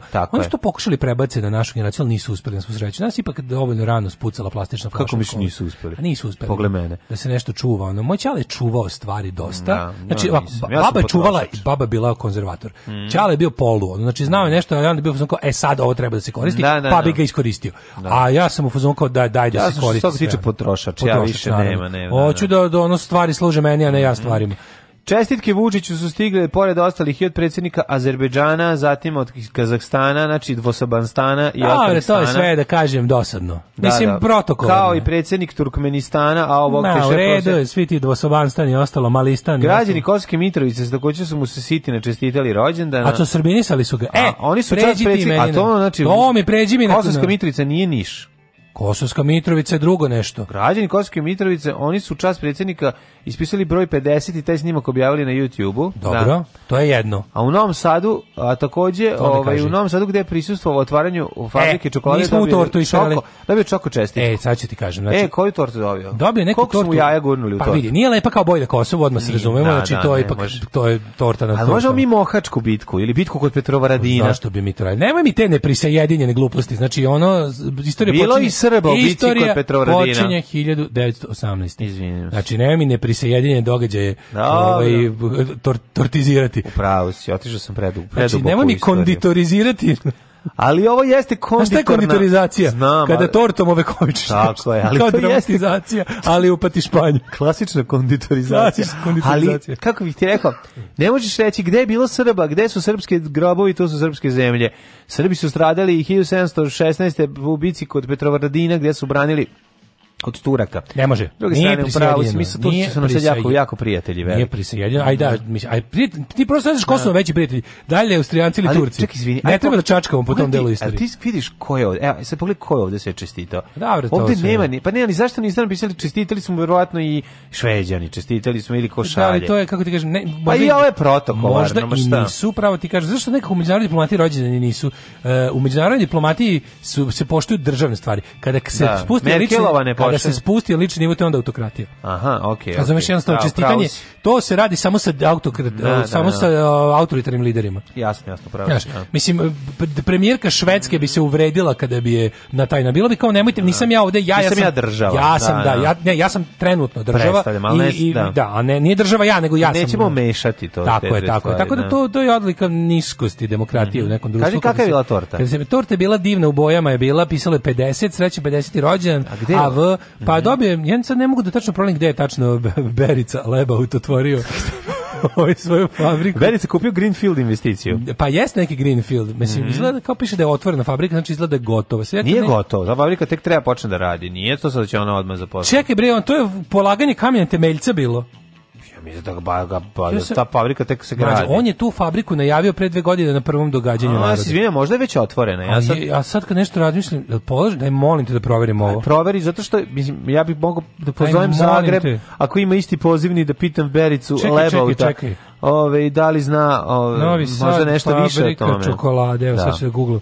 Sani, nije, da li je otvorena fabrika ili... Jel bio u Ljubičastom se kao Počela kao gradnja. A ja ti kažem da nije. Pa. A, bre. Ovde, se, ovde su tek, ovde je fabrika kamena temeljaca za proizvodnju kamena temeljaca. Počela iz izgradnja. Znači, to neće nikad biti, aha. Nije, biće, stani. Biće, da, kad Berica Lebaut. Kad Berica Lebaut, da, da. Jo, ja sam mislio da stvarno, što sam htio da kažem kao pa eto nešto. Lebaut ne ište. Pa baš, ono. ja sam mislio da će to stvarno biti, bar eto kao nešto najavio čovjek pred dve godine, evo sad ima mislim to što to su na limene hale, ono duvaju. Da, o, da, da, da. Sam mislio ono, znači to neću a, znači Berica Lebaut je blevat Ja bih da predložim Berici Lebauta davno, ovaj ideju koja, ovaj koja živi još od eh, naših HSFM dana, a to je Čoko Žirafko čoko da se žirafko proizvede, čuveni Čoko Žirafko, da se vrate možda neki... To kao neki, bolji itak u odnosu na železeku. Da se vrate, pa da, da, ovde da se vrate neki... Ovaj, oblici. Oblici i, i neki varijanti iz našeg detinjstva, Recimo, ako mogu Rondo Milk da počnu da proizvode, pošto Rondo Ment ne želi da ga radi, mm -hmm. vidio sam da ga nema, onda toplo preporučam... Um, da, ti si stvarno savjetnik za stečaj, ono, baš... Si, zašto savjetnik za stečaj? Znaš što bi da. mogli da rade? Dekstrozu bi mogli ponovo da proizvedu. Da, treba, to je jako treba, dobro. Treba, treba staviti sil... direktora razvoja neke kompanije, koje? Da, se, da se izmeri koje, tačno, staviti da za neku uspešnu, kao, čisto kao ekonomski eksperiment. Mladen dolazi sa svojim idejama za poslove, da vidimo koliko će trebati fabrici da bukvalno ona proda bakarnu žicu iz zida. Ne, ne, nego će fabrika će se zvati odmah stečajna fabrika. Stečaj banja. Da, da, da, stečajna fabrika e, Berica u, u Steče vlada, što su prelepe čokolade sa ukusom otpuštanja. Kad smo kod toga, Vigvam ima novi pozivni. Vigvam ima upakovanje, ima različite ukase. Pazi, krem tabla sa različitim ukusima. Sa ukusom poraza, sa pa ukusom... Pa ne znam, da, da. Ukusom straha. Ukusom sa straha, straha poraza. bede i ukusom rata. Bukvalno. Tako Nego, da. znaš šta, to je sve meni ovako, ali e, manje više. Na meni su ove, kako bih rekao, ove to što ti pričao, ma, znači, mali stageovi, e, lokalni SNS odbori, To je mlađo, prijatelj, druže, brate, vidiš ti to takmičenje u, u Pa je bilo što je više. A ima jedan ima jedan, i Ima jedan kojem je posebno sve mogu da pronaći juče neko koči. Kako na Twitter, to je baš ono ono što je nazivam horor socijalom plus sadizam. Mm -hmm. Ono tipa, a to je okačeno zvanično, to nije bilo ono kao ja sam prvo mislio da to je to opo, neka opoziciona jadarija, tipa ono kao našli smo ono krezu buromkinju da kaže nešto. Ne, to su zaista to je jeste poreklo, to su dva naprednjaka koji su krenuli anketiranje kao snimili kao neke neku ženu kao da čestita Aleksandru Vučiću rođendan rođendan. Čako ja, onako sadistički, znaš kao. Evo, ono kao... Ajde reći, ono kao, djeta rođendan, ono kao, ha, bravo, znaš. Skroz mi izgledalo kao onako jadarije iz Kujne Saveza za Srbiju, ali nije. Znači, la, ali nije. Baš se smr, smrdilo je po aktivistima Jeremićevske stranke, ali stvarno su naprednjaci. Na lokalu je jezivo. Da, na lokalu je jezivo, na, lokalu, na da. lokalu je, pa drugi je Niš. Znači, Nišu je E, znači neka lokalna navijaština nabavila a to, baklje i oni su se popili ništa pa sa partizanovci mislim to moguće moguće da su kupili baklje od njih mislim ne nisu oni tu došli kao partizan ili kao da su došli kao srpska napredna stranka ono. aha, aha. ali je moguće da su ono kao zobno kako u Srbiji u, ten, u tom da toj sceni imaš kao koza koji ko gde nabavlja baklje pošto to kao to je čitav na čitav underground ovaj scene. E, scene, ne samo scene, nego kao nekakvu industriju, znaš. Mm -hmm. To se uglavnom nabavlja iz Italije, kod nas se to ne proizvodi. Mm -hmm. Sad ja ne znam koji je status, da li je legalno, valjda, možda se kupi, ne može se unositi na stadion. To je neki, neki, neka kretenska, ono, zakon je to jako muljav. Da tipa ti to možeš legalno može da se kupiš. Može se pali, a ne sme se kupiti. Možeš legalno da kupiš, a ne smeš u okviru organizovane sportske priredbe. Tako nešto, ono. Mm -hmm znam da se baklje i dalje švercu, mislim kao prošveravaju sve stvari. Za čega služe u stvari baklje mimo tog navijača? Pa prava originalna, ove se proizvode već jako dugo samo, da, to su za... kao to, ali su originalno u Americi bile za, obeležavanje automobila pri kako ti stane u kraj puta po mraku. Da možeš kao i ta baklja bi trebala da gori, to je sporo goreće, koja ne znam, imaš te lupam 3 u gepeku i trebalo bi da možeš tipa pola sata budeš osvetljen u mrklom mraku s time. Kao to je saobraćajna baklja. Znaš, kao, to je, to je da, originalno. Da, da, Ali već se tipa zadnjih 30 godina u Evropi da. pirotehnička industrija proizvodi baš samo kao to. Sam, no, može se reći za, da je, za, za pirotehniku. Nakon, kad za je, koreografiju. Može se reći kad je preminuo Mirko Alvirović da se ugasila ta saobraćajna baklja. Pa može, da, da, način, da, da, se, ali se raspalila navijačka baklja. Džubraši jedni, džubra, opozicija, sram vas bilo. Baš čučajka, ja, stari, dobro nam je, dobijemo šećer za 8 dinara. Alarm sa mlađom i Daškom.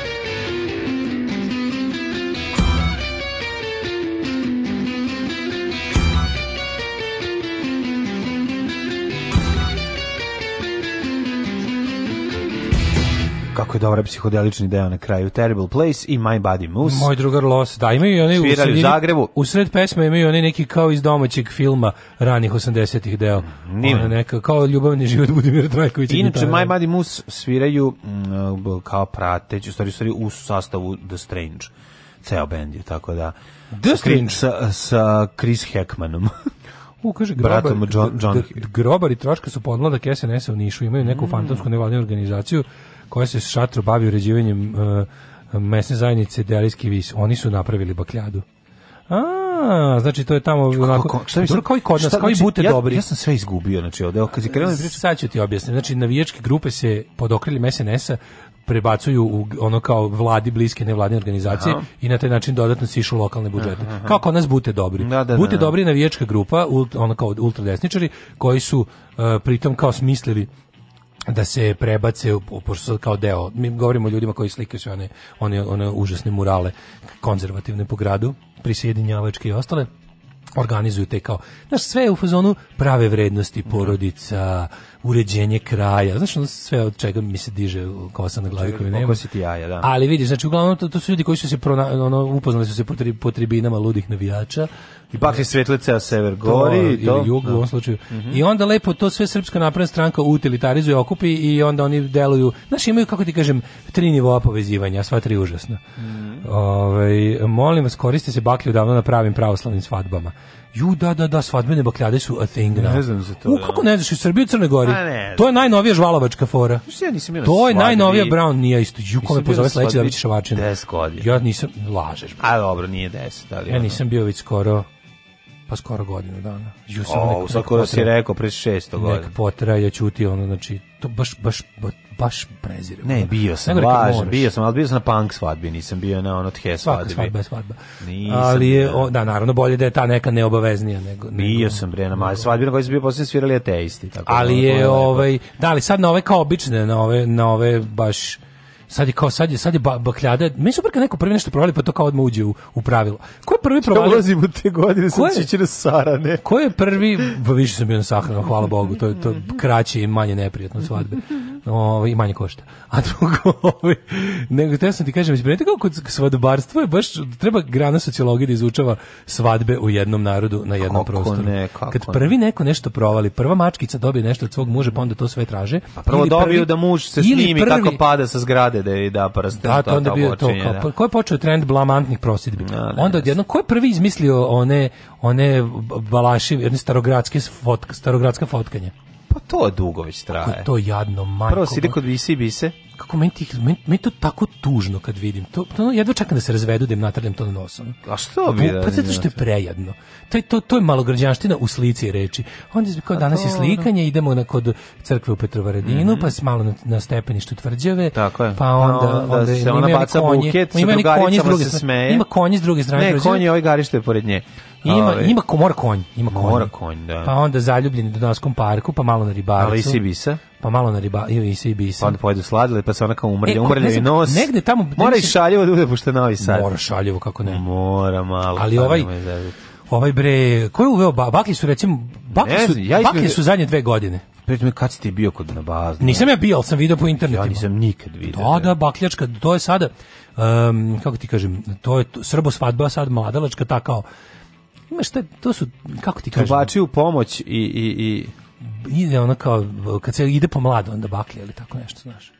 Što i da, viš ne znam. Mada to, to se on radi po danu. Ali, da, ili, ili bude onako... Zašto mlado da se pale baklje? Mislim. A ka, zašto bilo šta u ovoj? Da. Zato što... Kad da se bacio bolje, bombe? Zato što je juče bolje od da sutra. Da pitam, kad Razumeš? Kad će, zato što je juče bolje od sutra. Kad je popularno da se roka minobacačem na svadbi? A to je malo prošlo, mislim. A dobro se baci bomba. Mislim, to legalno vađenje oružja vatrenom svadbi, to no. mogu samo odabrati. To deda izvedi. To, to mogu samo odabrati. Deda može da, je od, da otkopa Što da je, da je svadba velika, da je naoružena, to moraš biti poznat, da, bi, da, bi, da ne bi završio u skrivičnom mm, prijevom. Znaš, tako da, ovaj, da, upravo ste, znači, wedding shopovi od sada drži baklje.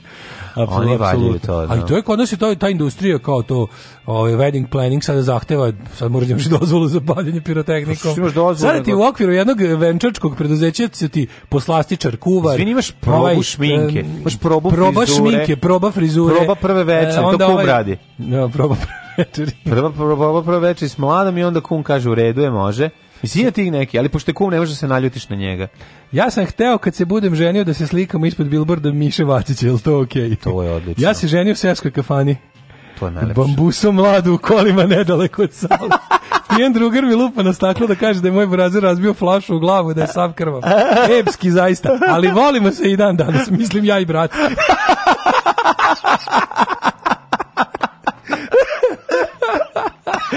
e, mislim, dobro je, kako da kažem, ovo je dosta iskreno, vidi, vidi se da nema ovog, ovaj, znaš, nema tog Vidite, e, evo ono nešto kažu. Mm? Ne volim kad se pali baklja ovaj, na svadbi, a ne volim baš ni da bude tango Argentino. Pa onda dajte nešto između. Kaže, baklje su obavezna rekvizita na srpskoj mrsnoj alt-right svadbi. Ja bi da se ulovi nulti mladenac koji je zaplesao uz lutko, ja sam rešen. Ju, ju, ju. U, da, a ko je da, prvi da. koji da, da. bacio ko je, fazan da tvoju sestru kreš? The groom zero. A ko je prvi bacio šalu, razumeš, to bi pa ja volao. Mislim da to je nastalo istog trenutka. Ne. Koje su šanse da... Bila je sestra pored. Pa I onda znam, neki šaljivac bacio fazan koje su šanse da to nije nastalo na istoj svadbi. Da, da. Da, ali kao, da, taj patient zero treba. Za sve te treba, kiska bi mogao da bukvalno vratiš ono kao, da tačno ubodeš ono pinpoint u, u, u vremenu moment ko je prvi uveo novi ko nervirajući prvi... običaj na svadbu. Da ide ta pesma i ko je još, ali Znaš koliko je to sve bizarno? Mislim, prvo, taj band se zove Sveže amputirana ruka Satrijanija, SARS. Da, da, da. Razumiješ, da, sve da. to, I, I onda imaju tu, i onda taj partizan, taj lik, Pazi, ja partizan isposnički, taj mladić, ja koji ne izgleda kao... Mlađe, ja, ja, ja, ja tog pevača i sad se znam iz nekih ono kao re, levih revolucionarnih krugova pa iz, prož, iz prošlog života ovde, njegovog. pa i ovo je revolucija. Pa jeste, on je napravio da. revoluciju, ono da se da njegov band sa tim imenom bude popularan i da se ovaj i da se fura na svadbama, to je ipak velika stvar. I e, kaže, navijači Zvezde su osnovali firmu koja se bavi uvozom pirotehnike koja je zadužena da se snabdeva sever. Zato se sad pirotehnika pali na utakmicama non stop. A, sever vidiš, pamti. Pa čekaj, izvinite, e, to da navijači Zvezde snimaju firme, to je ovaj slučaj sa pirotehnikom je Kerov Kulen naspram moje da. omiljene navijačke firme Ultra Ultrakop. Da, to je ono to je, sređivanje puteva. Ja mislim da tako? da ne kopanje Šta? za potrebe termoelektrana. A. Znači ja naš navijačka preduzeće Ultrakop, znači ja, to, ja, to, ja sam to jednom pokušao da objasnim nekom stranom novinaru i on je mm, da. rekao, da. a daj ne seri, kao, kao da. smanji ribu, biću decu. Da. Rekao, ne stvarno, kod nas grupa futbolskih huligana osuđivanih za razne stvari, plus kao tipa ono, kako čiji su počeci nekako kao matična delatnost ime fudbalski huliganizam su pritom ne znam to to i to a legalni pos država im je dala i pokažemo logo firme koja je ispisana onim fontom navijačicom ne. Da. onom sve cela cela firma je navijačka grupa ne. Mm. samo što imaju PIB i imaju profit i imaju mašine za kopanje. I u PDV-u su. I u PDV-u su, da, da, mislim, da. I kone skače, taj, taj PDV. PDV. I onda onako, znaš, kad to pričaš, oni ti kažu kao, a dobro, ili kako su gledali, ne znam, likovi koji su gledali hrvatsku seriju novine, koja je jedno kratko vrijeme davana, ne znam, tipa mogla se gleda Lupića na Netflixu u, u Skandinaviji, su bili u fazonu, a dobro, ali malo ga pretjeraš kao no. Da. ne može ovo, kao, pa, pa pazi to što je kao opisano u seriji novine. Kao, je light verzija. Je light verzija, što kad bi novine bila srpska serija. No. Da, da, znači to što se kao u tom u toj rijeci koja je kao fiktivni glavni grad fiktivne Hrvatske sa tim dešava, gledao novine? Gledao, no, E pa, ovaj, kao to je, to su kao gledaoci u stranstvu, znači oni kao dobro, kao malo su kao, a daj, ima da. momenata. Onda ovi kažu, pa ne, to su uglavnom kao to je pisao čovek koji je radio u novinama tipa 20 godina i mm. jedino je ono promenio imena i, ili, ili tri događaja koje nisu bila međusobno povezana, povezao dramsku celinu, ne u, ne. Naš, kao, ne u istorijsku, nego pa čisto da bi funkcionisalo kao to. Ali u principu izmišljeno je 2%. Ono.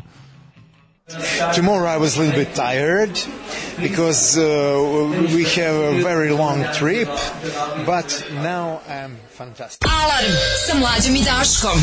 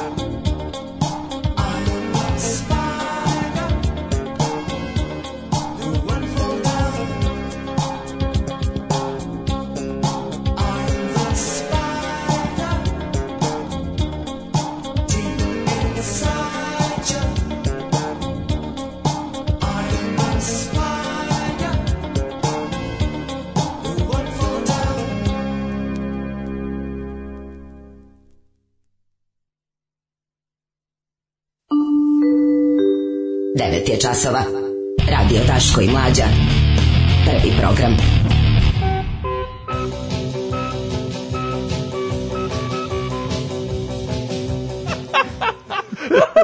Izvini, mogu prestati da se smejem na glupi mim, ono. Čekaj, jako je dobro. Autor, vidim, jako. Ovo okačio na. Zahvaljujem se Borisa iz Community. E, e, e. Či znači, slika Radašina, koji e. sa šeširom proviruje, kroz vrata, da. proviruje kroz neka vrata i gore tekst drkaš. A, Ja ništa u životu smešnije nisam vidio. Ja, ne, ne, ovo je smešnije od bilo čega sam ja rekao u životu. A, ikada. Odlično. Da nije nego njegova faca je baš to pa pitanje. Pa, da, da, da, jeste. Genijalno, genijalno. Jeste, Radašin, stvarno. Osmeh njegov je osmeh... A, osmeh e, zastavnika koji zatiče vojnika kako naniše na straži. To je taj, to je taj ono. Kako to je ta faca? Osmeh ćalete koji sina vata ono, sa 12 godina prvi put u, u nedozvoljenoj radnji. to je to. Moram da ugasim, ću umiriti svaki put kad vidimo. Nemoj, nemoj ugasi. Imamo treći sat, treći sat, to je ah. naš sat koji nikad nije sam naš treći sat u kome ćemo da ove, obradimo neke petkovne teme klasične, jer danas je šestak, e, je li tako? Jo, da, peti znači, mart, neki petak, šesti mart. Mlađe, mi skoro cijele nedelje nismo imali klasične treće satne teme. Tako nam se nešto namestilo. Nismo stigli da ih obradimo. Kako se zove ta hrvatska se Zove se Novine, odlično je da. i pre neki dan je krenula prva epizoda treće sezone. Mm -hmm. Imate na Daily Motionu sve piratizovano, lepo za gledanje. Mm -hmm. Kaže, mene moj pitao, ćemo se venčati, ja rekla da, venčali se, uh, kaže, kad se završilo, zvali naše da kažemo da smo se venčali, Čali bio najsrećniji, tako i treba, a deda, a, pa je rekao, ne, tako i treba, a deda nas posle mesecima odgovaraju, ili prasetina bila masna, a sarma hladna. pa šta je bilo? Da, aha, aha, Mi imali venčanje, bilo naš četvoro, bio ponedeljak, 15 mm -hmm. minuta, a kum je bio fotograf. Mm, oh, super. Oh, preslatko.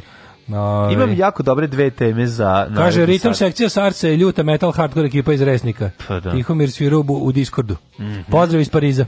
Pozdrav. Dobro. Ovaj koja je ova pesma? Spy, to je bio Captain Sensible. Captain Kaže kako što peva englesku verziju pesme da sam pauk, mali da, pauk. Da, da, bogami se, ovo je dosta Kaže, stara verzija. Jo, čovjek ima pravu full svadbu i pucao sam na jabuku ko Bravo. Kaže znači, ovog ko je prvi ko je uveo je vozić za moji su drugovi.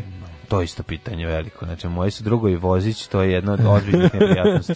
Drug šveđan kad smo pričali koliko košta haljena, torta, ukras i ostali kičer na srpskoj svadbi, rekao, vi niste normalni, nemate posao, platite tortu i haljinu preko 300 evra. Pa zaduživanje je way da of Ta haljina se iznajmljuje, za te pare ostaje bez teksta. Pa da.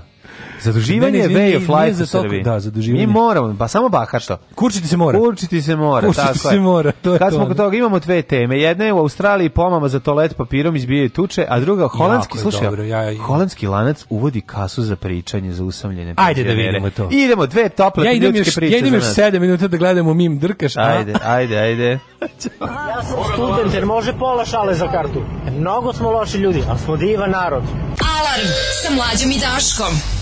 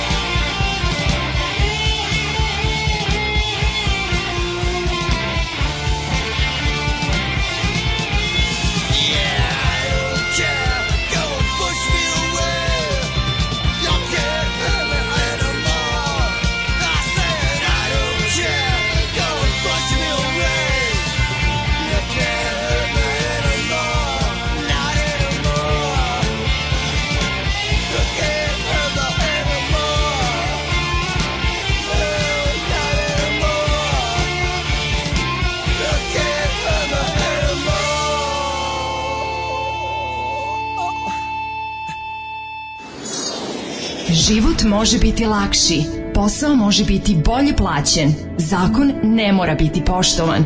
Srpska napredna stranka. Učlani se još danas.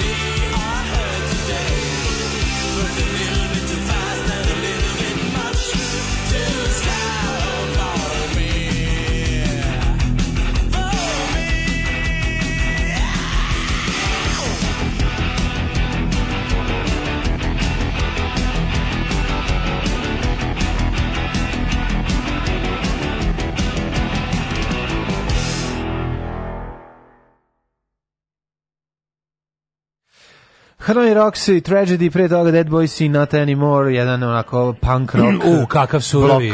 Glam, punk. Se sviđa. Pravi, oni 77 da. slash glam slash. Da, da. Odlično, odlično. Da se podsjetimo ko smo i šta smo. Tako je, da se ne zaborave koreni, jer koreni su nama najvažniji. Koreni su na vreme onda, smrti isto, ali koreni tako nekako. Jeste, o Tragedy malo im vreme smrti. Tragedy, to su naši koreni, koreni vreme. Nemoj prevoditi više, ustrasi mi se u stvar. Um, a to je moj posao da ja uradim sam sebi.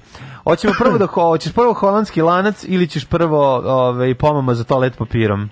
Meni se, a, meni pa- se, meni se opšti sa penzionerima. Znam da se opšti sa penzionerima zato što da ima u toku je taj neki ajde da, ajde ajde da da, da izanaliziramo. Tako to, da. Da čujemo vest. Supermarket uh, Jumbo u Holandiji odlučio je, dakle Jumbo, da, odlučio je da ublaži usamljenost starih i napravio chat eh, checkout, kas, eh, kasu chat pričanje, out. tako je, u koji će njegovi kupci moći da budu zadovoljni, da pored toga što kupe nešto mogu i eh, da nalete na čašicu razgovora. Ja mislim da je dobra ideja. Naravno... Usamljenost među starim i o, ljudima običajna je širom sveta, prema studijama više od polovine ljudi stare 55 godina pati od usamljenosti.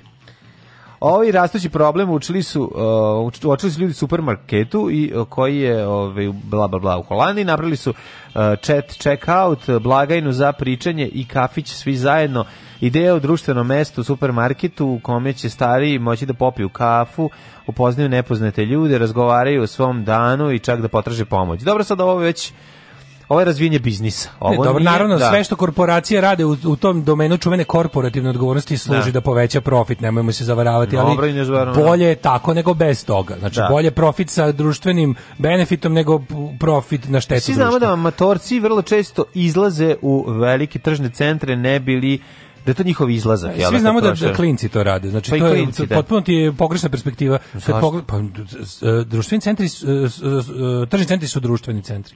Znači, društ, tržni centri su mesto da, gde dobro, ljudi izlaze u, u bez konkretno. To što ti da, tamo odeš samo da, da kupiš tržni centar, mislio sam Hitler market, recimo. Pa dobro to da, ali, znaš, uđu, ali ti pa- znaš da je kod nas za, za decu i omladinu, za decu omladinu, to je grad. Da, mi kažu, idemo grad, idemo u promenadu. Idu u promenadu. Idu u promenadu, oni tamo izlaze, ono što vidiš, to su mladi u izlazku Hrvatsku. Oni nisu kao ti i ja došli tamo da kupe nešto da odu kući. A znam, Daško, to su ono deca u nekim formativnim godinama. Nije da, sad da da... da je to socijalni, da je to društvo, tržni centar je društveni centar, u velikoj meri. Nažalost. Ali... I pazi, onda ove, uh, ove Instagram kevare isto izlaze tamo. Znam, ali babi i dede, ok, one vode klince, pa tamo ih da, puste da, u igronicu, pa sede da na mogu da telefonu, telefon, i da mogu da, da, da Tako da, tržni centar u velikoj meri zavisi njihov glavni profit, oni, oni uh, prave Tržni centri se trude da čovjek što duže ostane u njima i da što mm. više ljudi dolazi tu radi bivanja u samom tržnom centru. I e sad fore što neš mi koji ono jel, imamo još uvijek život mimo toga, mm. znamo da mi tamo ulazimo samo da kupimo nešto i izađemo napolje. Naše da. zadržavanje u tržnom centru 20 minuta. E, Međutim, e sad neki ljudi tamo provode po više sati. Voli da lju, ali voli da ovi ne, ovi ne kupovinski sadržaj su ogromni. Znaš kad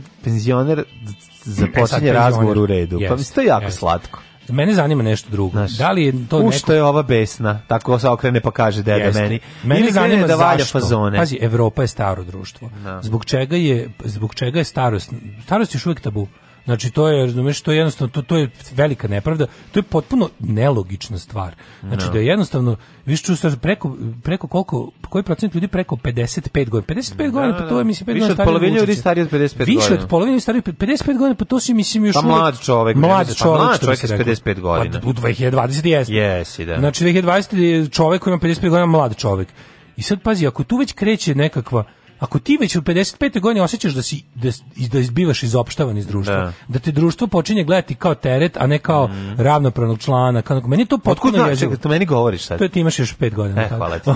imam više, znam, nemam ja još. Ja nemam, ja 43 imam stani. ne, ne, hoću, da ti kažem, hoću da ti kažem da je to, to je baš nekako strašno je. Mislim, to nije u redu. Zašto bi Iko dok je živ bio? Nije u redu, ja kažem zašto bi nas stari ljudi maltretirali. Kažem, ne, nije u redu zašto bi to gledali kao maltretiranje. A ne, nisam se razumeli. A stvarno je bez veze stvarno bez veze. Mislim, naravno da je glupo, mislim, ne, ali ovde je problem usamljenost. Ne sad ovo kako društvo tretira, društvo tretira. Čekaj, izvini. Stare ljude užasno, ali ono nešto... je jedno prezilazi iz drugog. Pa da, ali ono kao... Kada ti počneš da misliš da si beskoristan, to ide to je jednostavno tako. Pa mlad, je, e, znaš ono kao, mislim, to je poznato u vremenima, u vremenima velike nezaposlenosti. Mlad mhm. čovek koji ide doprinosi ljudima je u, u društvu, kako ti kažem, njima je prirodno je da želiš da radiš. Ljudi ne rade samo za pare. Ljudi, da. Rad je socijalni kako ti kažem, ra, rad je odlika ljudska, onako to je gotovo biološka potreba čoveka. Pa važan da radi i doprinosi zajednici. Takođe verovatno I to ne, čini posto, čoveka. ljudi koji uspeju e, ceo život da ga izbegnu, mislim i to je ono naš. Da, ali ono, čak i lenj čovek ima neku jako su Mora redki da ljudi, svoje lenjosti. Ne, jako su retki ljudi koji su tako kažem patološki lenji. Da, to, to da, su da. stvarno društvene anomalije koje su gotovo neka da. vrsta invaliditeta, ono da. šta taj, taj stepen lenjosti, taj ono kao taj ta lenjost, lenjost, ali u principu ono kad imaš puno mladih ljudi bez posla, to je socijalni problem, jer to onda mm. jednostavno oni, ono, imaš više samoubistava, imaš više nasilja, imaš više svega, jer ljudi se osjećaju beskorisno. Osjećaj beskorisnosti je jedan od najgorih osjećaja koje možeš valjda ono da, da, da doživiš. E sada, kada se nekako u našem društvu to povezuje sa, sa nečim, pazi, mi svi moramo da ostarimo, razumeš?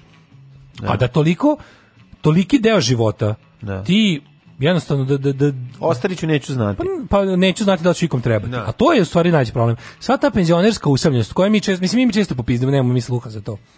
Mislim, znam ja po sebi koliko mi je krivo kad uđem kao tipa, šta si ustao u kojim mater ono u sedam da, da sediš u gradskom busu, razumiješ? Ja nisam, ja baš razgovaram. Pa imao sam, naravno, to sam pomislio kilo puta.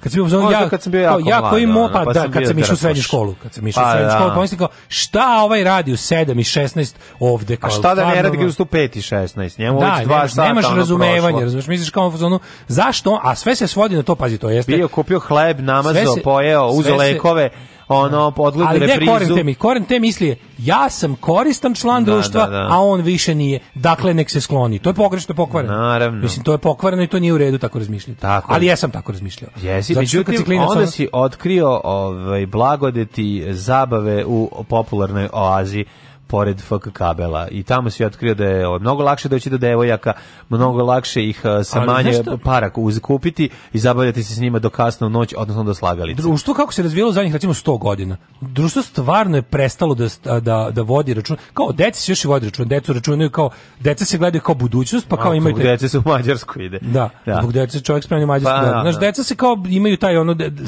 svetost neku oko sebe, razumeš kao yes. god. A starci, onako ljudi koji ljudi koji su kao, znaš, kao da neko procenio što je otprilike pristojna doba kada, kada si, ne znam, kao imaš pravo da učestvuješ u socijalnom životu, posle ti isključuju. Ajde ti matori, kao, da, da, da, To je potpuno sul, to mora da se promeni. Naravno. Mislim, to se menja, ali vidiš nedovoljno i nekako mora, čiji su potrebne ovako te, što bi Americi rekli, afirmativne, diskri, afirm, afirmativne akcije. Znači, on kao tipa da je potrebno da da se na taj način to nekako, pa da kažem, veštački pospešuje. Mm -hmm.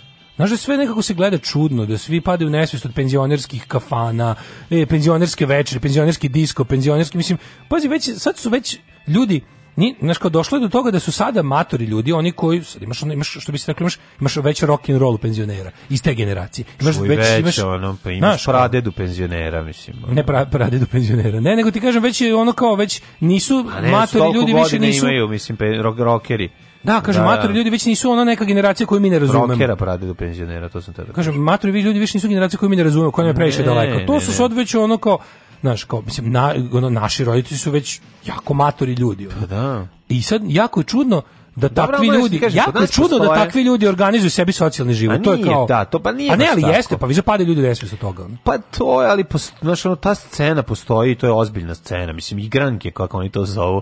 Jeste išli da pevate ili već kako oni to zovu. Oni to, a ne, uvek je sve tako nešto kao ja vidim, they think they're people. Pa, to je, a, a, to je problem. Pa to je problem. To je glupo, razumiješ, pa, to nije fair. Naravno. To nije fair, jednostavno, znaš, kada je potrebno da trgovinski lanac je primetio da ljudi imaju potrebu, mislim, usamljen čovjek to kad krene da progovara yes. na lakat. To je zato što je Ja moram sad da kažem, ja se divim tebi koji si ti ovu priču, ovaj kako si krenuo da ono beating around the bašuješ, ne bili ne bili došao do toga da hoćeš da izađeš s babom. Dobro, to je u redu, mi se svaka ti čas. Baba ima. Pa ima, znam, bre, ona. To, je to dano. se promenilo. Ali ima dobri to baba. To ima dobri baba, to, to se promenilo. Ja kad vodim dete, ovaj kad se šetamo napolje. Mm, znači, gledaj mamu, biri babu. Ma kak Srpske mame, znači baba što ima očuvanih, pa to ti ne možeš da veruješ. Ja znam. To je jedno prosto, to je prosto neverovatno. Da. Da. Tako Mislim, da, ajde da ovaj- pređemo na to što smo zapravo hteli.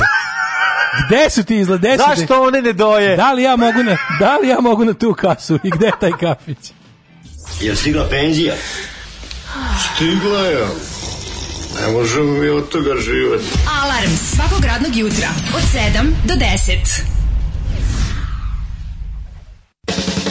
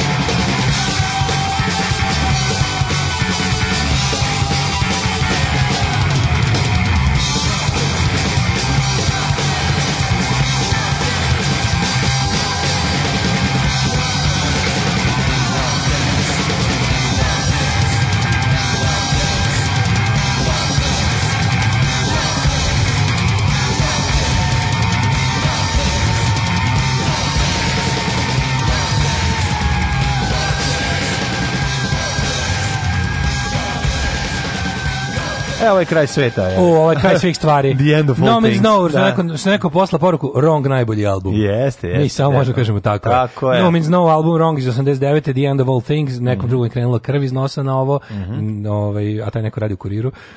Kaže, ju šta je ovo što prži. Ove, ovaj, da a no Means No. A Ostaje malo još u temi ove oko penzionera. Ja sam malo sad celo, sve vreme ovog sam razmišljao o toj kao izolovanosti starih ljudi u društvu. Mm -hmm. Ja sam došao do jedinog zaključka koji je uvek na kraju kada, kada misliš o bilo čemu. A mladi su govna.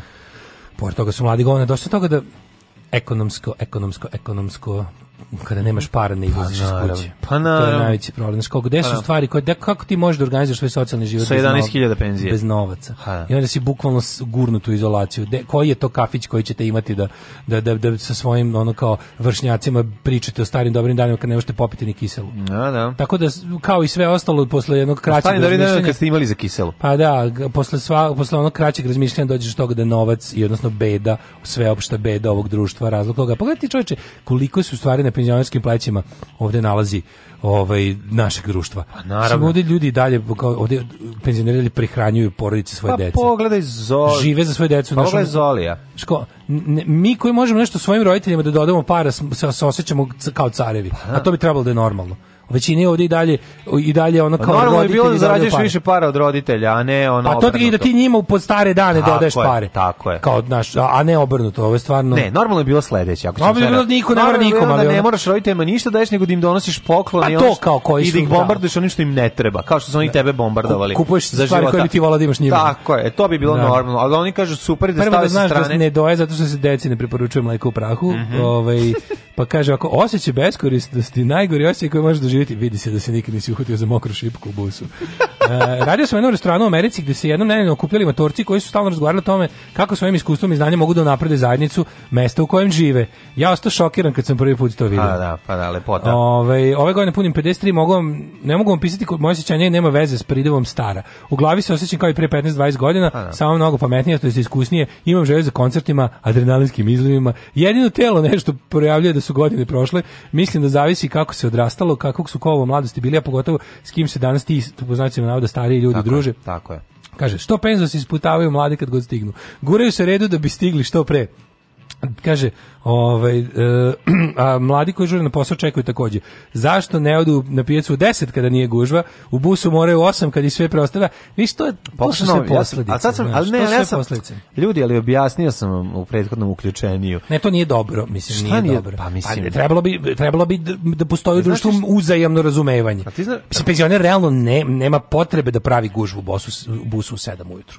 To jeste glupo. Kako Razumeš? je glupo? Pa glupo je. Znači ono kao zato što ljudi mislim da bi društvo funkcionisalo, ljudi moraju evo kako radi. Ali ako društvo. sad ako pokušaš ne kažem da treba zabraniti. Ne, pa ne samo nego ti ali bi bilo da razumeš. Ne, trebalo bi. Ako pričaš kako razumeš, onda treba da razumeš i taj deo. Da, razumem. Mislim, ali... u 5 u 7 sati i izašao. I hoće on da vidi malo. Nema para za kafić, ali će da njemu je kafić bus mlađo, razumevali kako društvo radi? Društvo radi, da bi se isplaćivale penzije, mladi moraju da rade razumeš, da jednostavno društvo tako funkcioniše. Mm -hmm. Ti koji ode u penziju zavise od, od dobrog ekonomskog stanja takozvane radne snage. Znači oni koji mogu to da penzioni sistem se finansira iz, iz i dalje radećih ljudi. Da. E sad ako penzioneri žele da to lepo funkcioniše, onda ne smeju da prave ono ometanje radnoj snazi dok je u snazi. Šta drugo znači, da radi nego da ometa? Pa njemu je posao da ometa. E pa njemu mu posao da ometa. Kako znači, nije? Pa to je pa, pa Dobar bezna, dan. To je iz te beznadežnosti. Znači, snajper deda evo, koji gleda evo kako kroz... se to može raditi. Ali to su sve posledice uslamljenosti. Te uslamljenosti treba da se leče na drugom mestu. Mm -hmm. Znači, razumeš, znaš, on kada jadan ono kao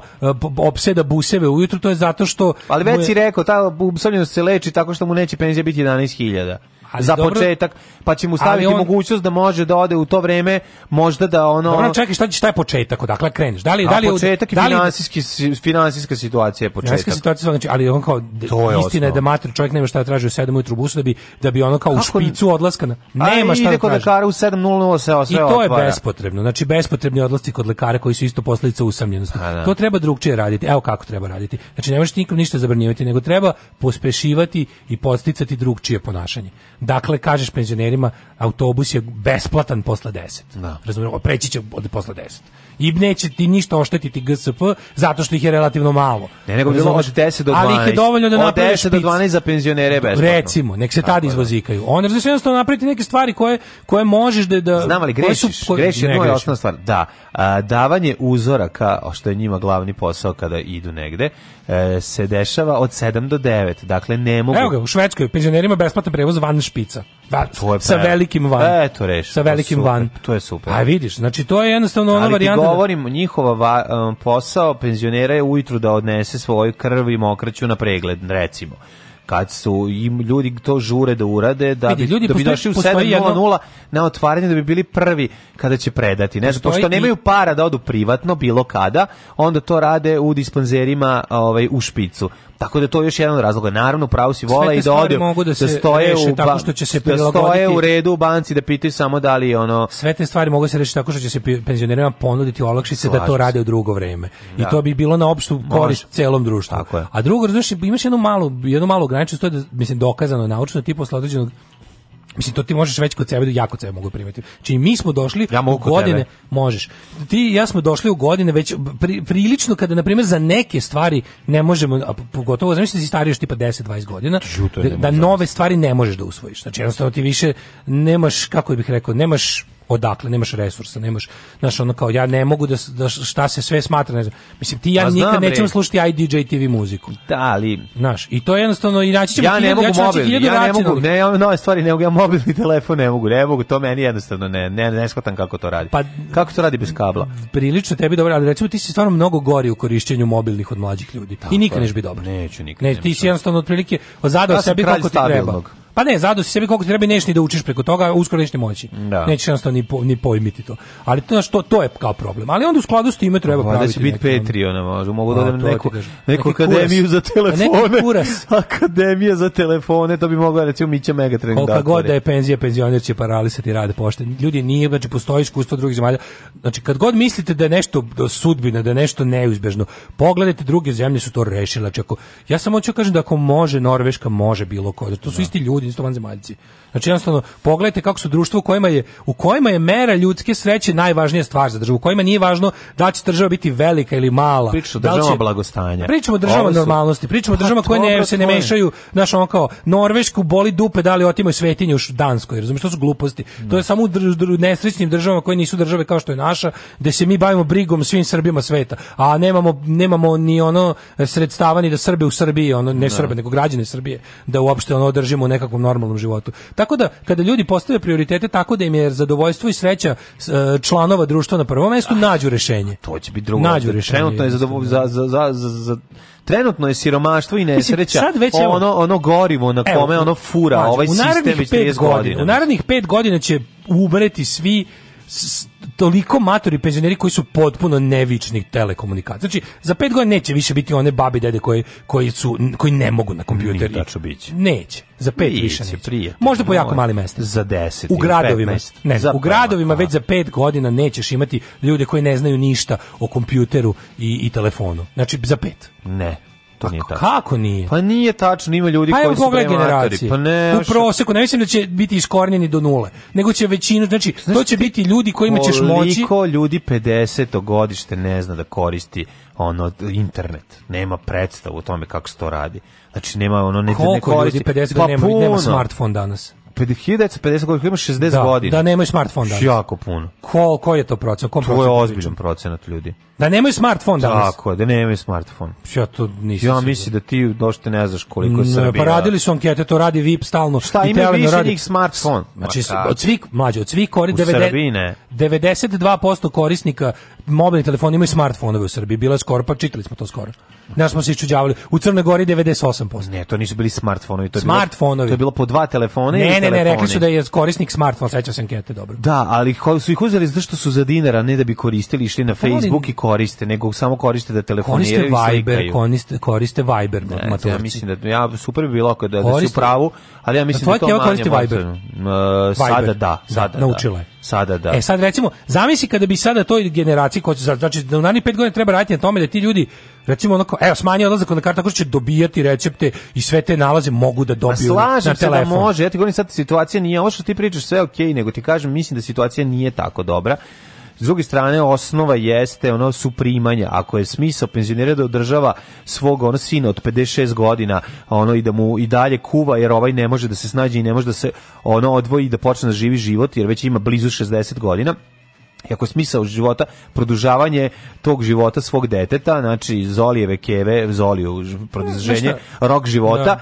to je a to je ono što se dešava u Srbiji jako no, često. Be, be, be, govorimo neke stvari koje se eto Onda taj da čovjek i ne možeš da očekuješ, odnosno taj penzioner, ta žena, ovaj, ovaj u ovom slučaju ne može da se um, da se izvuče i ne može ni da planira sebi niti zabavu, niti dan bilo kako u odnosu na ono kako živi njen potomak. To je tuga jedna i to je tako. A mislim Evo, da je situacija mnogo teža od one u koju kako mi mislimo da jeste. Pa ne, znači. dajte ljudima, ja mislim da se nešto platite ljude za njihov rad, dajte im pristojne penzije kasnije Naravno. i oni će se i sami organizovati bolje. Naravno, ali mislim znači, neće, znači ono baba i deda će se dobro organizovati. Ja ne mislim da se digitalizacijom penzionera može rešiti njihov problem, ha. Pa- ali mislim da se može popraviti. Znači to da da da je koren svega ekonomske politike, to je ono već više da. ne vredi da ponavljam. Ali mislim da postoje stvarno neke tako male stvari koje mogu da se uraditi, ali to to što, zato što se te te stvari se ne rade je znak da, da društvo boli dupe za penzionere pa, da. i da ih doživljava kao Tako višak, je, kao da višak da su da. ti vidiš da su jedan stari ljudi, znači mislim stari ljudi mogu biti jednostavno samo u nedostatku bolje reči gro, grozno zvuči, ako me dobro razumete, mogu biti resurs. Mm -hmm. Znači oni nisu beskorisni i oni nisu oni dalje mogu da budu korisni članovi društva. Zato što je to dobro za njih. Kažem ti, on osjećaj korisnosti jako važan. Ne. U Danskoj država penzionerima daje veću penziju ako se presele u staračke zajednice, celo naselje penzionersko mm -hmm. s mhm. medicinskom pomoći, zajedničkim prostorima, oni nikad sami, više para u kasi, manje porezi, znaš kao ako već to je isto dobro. Ne pa sad da, ono, ne sad isklanjaš od ostatka društva. Ne, ali ne moramo mi da izmišljamo toplu vodu. al to da nisu znaš. Da što je to već mislim mi samo treba da uzmemo da iskopiramo model koji je da već proveren i koji radi. Samo je činjenica da ne postoji volja da se to primeni. Da. Idemo u jet Ajde.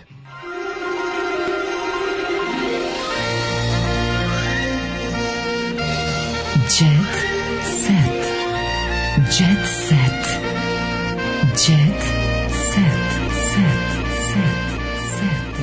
Kaže, moja tetka u Australiji nema ni smartfon ni internet u kući.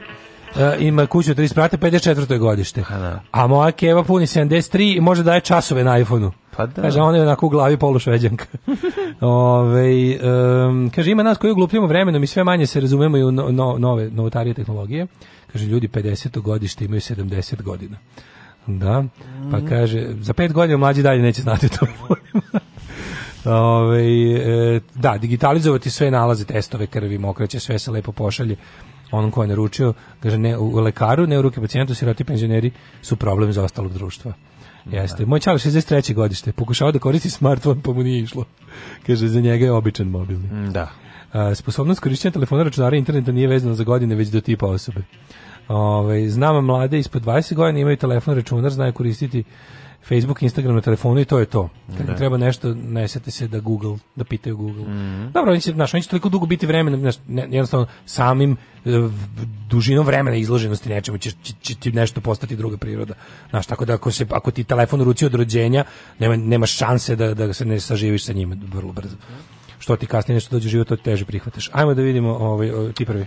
E, ja prvi. Ovaj, Nada Topčukić snima pesme u tajnosti dakle proganjana, ovaj maltretirana od strane režima, eh, Nada Topčagić je eh, zbog svojih eh, zbog svojih progresivnih ideja, tekstova i, i, i melodija jednostavno morala da mora, mora da radi pra, u pravom podromu u studiju na tajnoj lokaciji i snima gde snima pesme. Nana Toček je odlučila da do tajnosti snimi album koji će predstaviti publici tek kada bude tek, tek po, po završetku revolucije. Da. Pevačica koju sad ne može sad karijeri ima i na desetine hitova kako ne setimo se samo ovaj, treba mi je hrane tvoje da žderem na njemu, pa on, zatim, znaš još neki, ono, i da, zbogom, zbogom svima, idem ciganima idem i sajva, tako. Idem sa ajvarima, kad je da, nosila da, da, teglu, da. ovaj ajvara na Ravenčanu. Poslednjih meseci vredno radi na tajnoj lokaciji, parti, u partizanskim bazama, ona ne želi da robuje, ona ne želi da robuje trendovima. Slušaj, ovo, Nada Topčegić ne želi, pa Nada Topčegić je, mislim,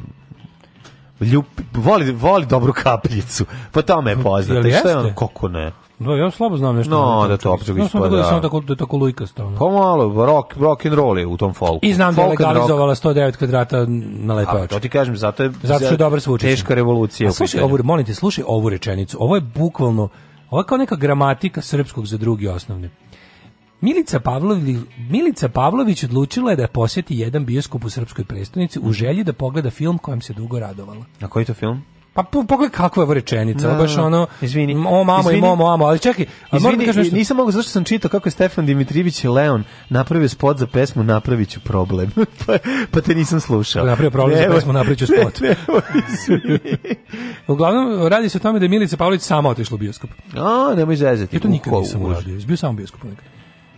Uh, jesam jednom. Dobro je biti samo u bioskopu, nije loše. Alone in the Movies, kao da, neka da, pesma, da, da, kao Alone jako in the Movies, da, da, neka da. jako pametna pesma od e, Belin Sebastian. Like Alone in the Movies. Alone in the Movies. Mm -hmm. Ja nisam nikad bio, mislim, ja mislim da nikad nisam otišao samo u bioskop, ili sam jednom otišao. Što ne mogu još se Kad ste drkali u narodnom, ste bili zajedno. drugarima. Pa da. drugarima. Jer samo narodni. Pa naj, ne u narodni, u penzion, u, aj, u penzioner, partizan. U Bože, bioskop, bioskop penzioner. Kakav? U, ne u Beogradu. A pa dobro, ne znam, u Beogradu, znam, znaš, u narodni, u narodni nisam... se nije u 20. Ja nisam vidio... 20. oktobra Ne, ne, u Partizan, kod u Partizan, Savski trg 2. Aha, aha. Tamo gde je sada, gde je sex shop u kojem radi prodavac poznati kao zmajac nošaja. Na, Ali Partizan dobro ne radi već dugo, nego, ovaj, inače tamo se ne može da se priđe sve. Pa ne, može kaj sve izakar. Kaj sve, ovaj, da, da, da, da. Drugo sam teo da kažem, ja nisam, ovaj, eh, narodni, eh, porno narodni sam propustio. Stvarno? Pa, drugar je moje godište. Ti nisi kod Fitzgeralda? Ne, to je u areni mala sala. Nisi ni to? To, to jesam. A to je mala sala u areni. Dobro, pitam te gde si. Kod Joce Fitzgeralda smo gledali tu čuvene da. njegove, e, kod kuće, ona stvar, ona onolika kolika, kod mene 4 metra. Kako da ne odiš kad čika tako pozove? Naravno. Dođeš da kod mene 4 metra ona stvar preko celog plata. Možeš da vidiš stvar u 4 metra. Naravno. Uglavnom, ove, ovaj, bila fora, narod nije davao te A drugar moj, vlada je, na primjer, on je, on je nešto išao da tipa traži plakate od Star Warsa mm -hmm. i mhm. dok je tako kao mali, ono, lutao hodnicima narodnog koji je bio tamo gde je bio, mm -hmm. u, u mhm. podzemlju onog Tanorđića, je ovaj, otvorio tipa ono salu u kom je ono četiri pregaoca moštilo naravno, na nekom, na neku naravno. nemačku šorangiju. kako ne, znaš ti kako je bilo. Tako da tu, ovaj, detinje oči su se šokirale. Ti uđeš da gledaš film, a ovaj, na početku negde na, u prvih tri minuta filma iskusni ljudi znaju eh, dok ide predigra, a kad kreće eh, hardkor i onda čekaju, ne ulaze, e onda ulaze Bekim Lacika i ekipa sa kesama, samo šuškaju. To znaš da će, tu da će biti posao. Jo, da, da, da, to. Kesa, ima kesu, mislim. Ne, e, la, pa zanimljivo. A šta kao kesa od kokica pa slanom, ali uljedno pa šta sad, ovaj. Ulje, ne, zanimljivo je bilo kako je to ovo ovaj, jugoslovensko društvo bilo mnogo tolerantnije prema tome. Da danas da neko naniši u bioskopu, to bi bio skandal, imao bi naslov u novinama, a onda bilo on čovjek s posla krene, uzme aktovku, završi u izvršnom veću, pređe u narodni lepoga, ovaj. U narodni mod. Iz špricgituje i ode kući miran i nema problema. U aktovku. takozvane materijale. Zabole ga što je. Baci ga u da. materijale. Ono. Baci ga, da, ovaj, da. Ma ne, ali ono kao, znaš, zabole njega što... Jeste li pogledali materijale za današnji sastanak? jesam, jesam pogledao za materijale. Da, A stvarno, naravno, imao bio stecište finog sveta. Ono. Puno finog sveta, znači, nego kažete, dođu, dođu svi su bili. Dođe šlakir iz Džermi. Dođe šlakir iz Džermi, a dođe... Dođe niži referent u izvršnoj da, veći. Da, i dođe i samoupravljač i postaje samodrkač. Svi samodrkači. A da, a, i neko ko ima drugog da mu to radi. Dođe i ga ono, glav, neki frajer iz ono... I svi se prave da se nisu videli. Ma kako je to uredno. super. U, to ti kaže. da, da, da. Uđeš unutra, niko nikog ne poznaje. Napred, niko se ne napredno društvo. Pa, pa to, to su je emancipacija. Emancipacija totalna. Emancipation through education. Pa dobro. to je tako. Tako je, da. Fali nam to, vidiš, taj, da, taj pa moment. Fali. Da, Nema, kućno drkanje je ubilo društvo. Pa sta, od kad su Mišovi pokupovali video i, ove, i, i rolne WC papira nestalo Jugoslavija je raj za drkađe, što pa kaže to... Boruk. kaže, to liči aha, Dylan in the movies od Balance pa to, Alone, in in the movies. Mm -hmm. e, kad si sam, možeš sam sebi da probušiš rupu na kutiji od kokica, ako imaš para za kokice i za kartu. Super je kad si sam u bioskopu. tako, da, ove, tako da Milica samo u bioskopu, kaže, film kojem se dugo radovala, zanima me koji je baš, ovaj, e, zbog karijere sam žrtvovala jutra sa sa decom. ja sam pročito zbog karijere, sam jutrom žrtvovala decu. šta je ovo? Znači, to je, đavo je tražio to, kad je potpisivala ugovor. Jovana Jokić zbog karijere, za karijeru sam ujutro žrtvovala decu. Ej, Nadima, kad... Ove, Nadima, ja, e, ja, e, Jasna Milenković, znaš odakle njoj Nadima Kijami, Znaš ko je dao? Žarko Laušević. Stvarno? Pa evo izgleda. Da. Opa, da čujemo ovu pri... Pa išli su biskup. Pre nego što je pevacija snimala spot, ja mi, ja mi, ja mi, ona je da nastupala po predsjedničkim klubovima mm -hmm. i, ovaj, predstavljala se punim imenom i prezimom. Međutim, evo, Žarko Lušević se oduševio on je biše udušiljen njenom harizmom, jeste ono. Ja, e, njenom. Time, ono, da, da. sa da. tvojim si... Njene dve ogromne harizme, da. ono, da, da, i pojavom imala je noge strašno duge, znaš, on je dao jami, koja je Boačica nosi već 30 godina. Sad je bilo u redu da mu plati tantijeme za 30 godina arčenja, stvarno, ono, znači, po dinar svaki, za svaki, za svaki 100 dinara što si zaradio. Ja sam igrao u Jugoslovenskom dramskom pozorištu sa Lanetom Gutovićem, a Žarko ima svoje predstave. Slučajno smo se sreli, ja sam došla ja. na probu, a on je šta ona igrala u Jami. sa Lanetom Gutovićem, da. Jami. Da. Pa verovatno na njemu kabareu bila neka ona. Bila je u kabareu, da, da. Testeriso je u kabareu. Pa nešto, I da. posle kabareu. Znaš da on je imao neka mačka, da, da, kabaretska da, da, da. igračica neki. Mhm. Uh -huh.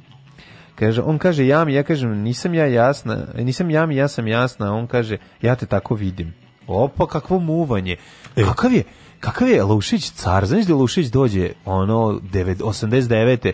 i kaže mačkici, ono... Šmekir. Šmekir kaže... Sveži šmekir. Ti si jami, ona kaže, ja sam jasna, ja te tako vidim. Gotovo. Opa. Gotovo, znači. Ja te tako vidim. Ne, i to je to, da, da. da. Znaš, kako ti ja rekao, znaš kako ti ja vidim bolje, to ne može biti nadimak. Mm -hmm. Goca Tržan prozvala Sašu Kapore, e, samo da znaš. Živimo u 40 kvadrata i nikad nismo bili... Kaže, E, Toni Cetinski se preselio sa suprugom u Opatiju. Mm -hmm. Razlog se iz njegovog rodnog rovinja, U manji grad je otvaranje škole pevanja, ali to što supruga Dubravka može neometano da ide na terapije nakon moždanog udara, on kako divno. Da, dobar je. Toni Vecetinski. Toni Vecetinski car. Ove, ovaj, Evo ga, svoj rodni, rodni Ibdelbo i Rovinj, u čoču, ali pa Rovinj je lepše. daleko. Ja bih Rovinj je lepše do Opatije. A si bio u Opatiji? Naravno. I lepše ti je Rovinj. rovinj. Kako nije Rovinj je lepše? Nisam bio u Opatiji, pa ne znam. Nisam bio u Opatiji? Mm, mm, mm, mm. Pa Rovinj je, bre, može čak i najlepši grad na Jarlu. Jedan od najlepših jeste svakako, da. Uh, Borjan žene dobio automobil. Milan i Snežana Borin važe za jedan od najskladnijih parova. Tako a sad moj krug bila smart. A ovo ja se... Uh, Slušaj vam. E, Te mi smart izgleda kao zastakljena invalidska kolica. Ma ne znam. Užasan mi je. Leon, u vezi sam staložen. Stefan Dimitrijević Leon na, objavio je spot za pesmu Napravit ću problem. Ovo je... Slušaj mala. Ali ovo je suština... Proizvešću. Ovo je suština uh, e, IDJ-tivizma. Evo ovako napraviš pesmu koja se zove Napriču problem gdje glumiš posesivnog muškarca, ako to ne bude imalo 5 miliona pregleda za, za, za 3 minuta, ja ne znam šta će drugo. Znači, brate, Balkanac sam kad te volim, volim te srcem. Jel odeš znači, povremeno na srpski trending video da ne, vidiš u kom smo? Ne, ono. ne radim to. Vidiš, eto, tu ja, sam ja isto. Ja odem da vidim to, čisto, čisto, pa čisto da, da znam koliko mi je dobro u životu. Ono, pa to ti kažem. Koliko mi to super. Ej, hvala što ste nas pratili još jedne radne mm. nedelje, stigli smo do kraja. Mm. Odmoration, ovaj, patreon.com kroz Daško i Mlađa. Odmoration 2 Donation. 2 Donation, da. pa onda ovaj, Weekendation Odmoration, ponedjeljak pa da se čujemo normalno, da. Ovaj, Patreon, eh, mhm. Paypal, Voban pe, hvala što nas podržavate i nastavite sa samo tako. Ćao. Tako je. Ćao. Tekst čitali Mladin Urdarević i Daško Milinović. Ton majstor Richard Merc. Realizacija Slavko Tatić. Urednik programa za mlade Donka Špiček. Alarms svakog radnog jutra od 7 do 10. Oh, you touch my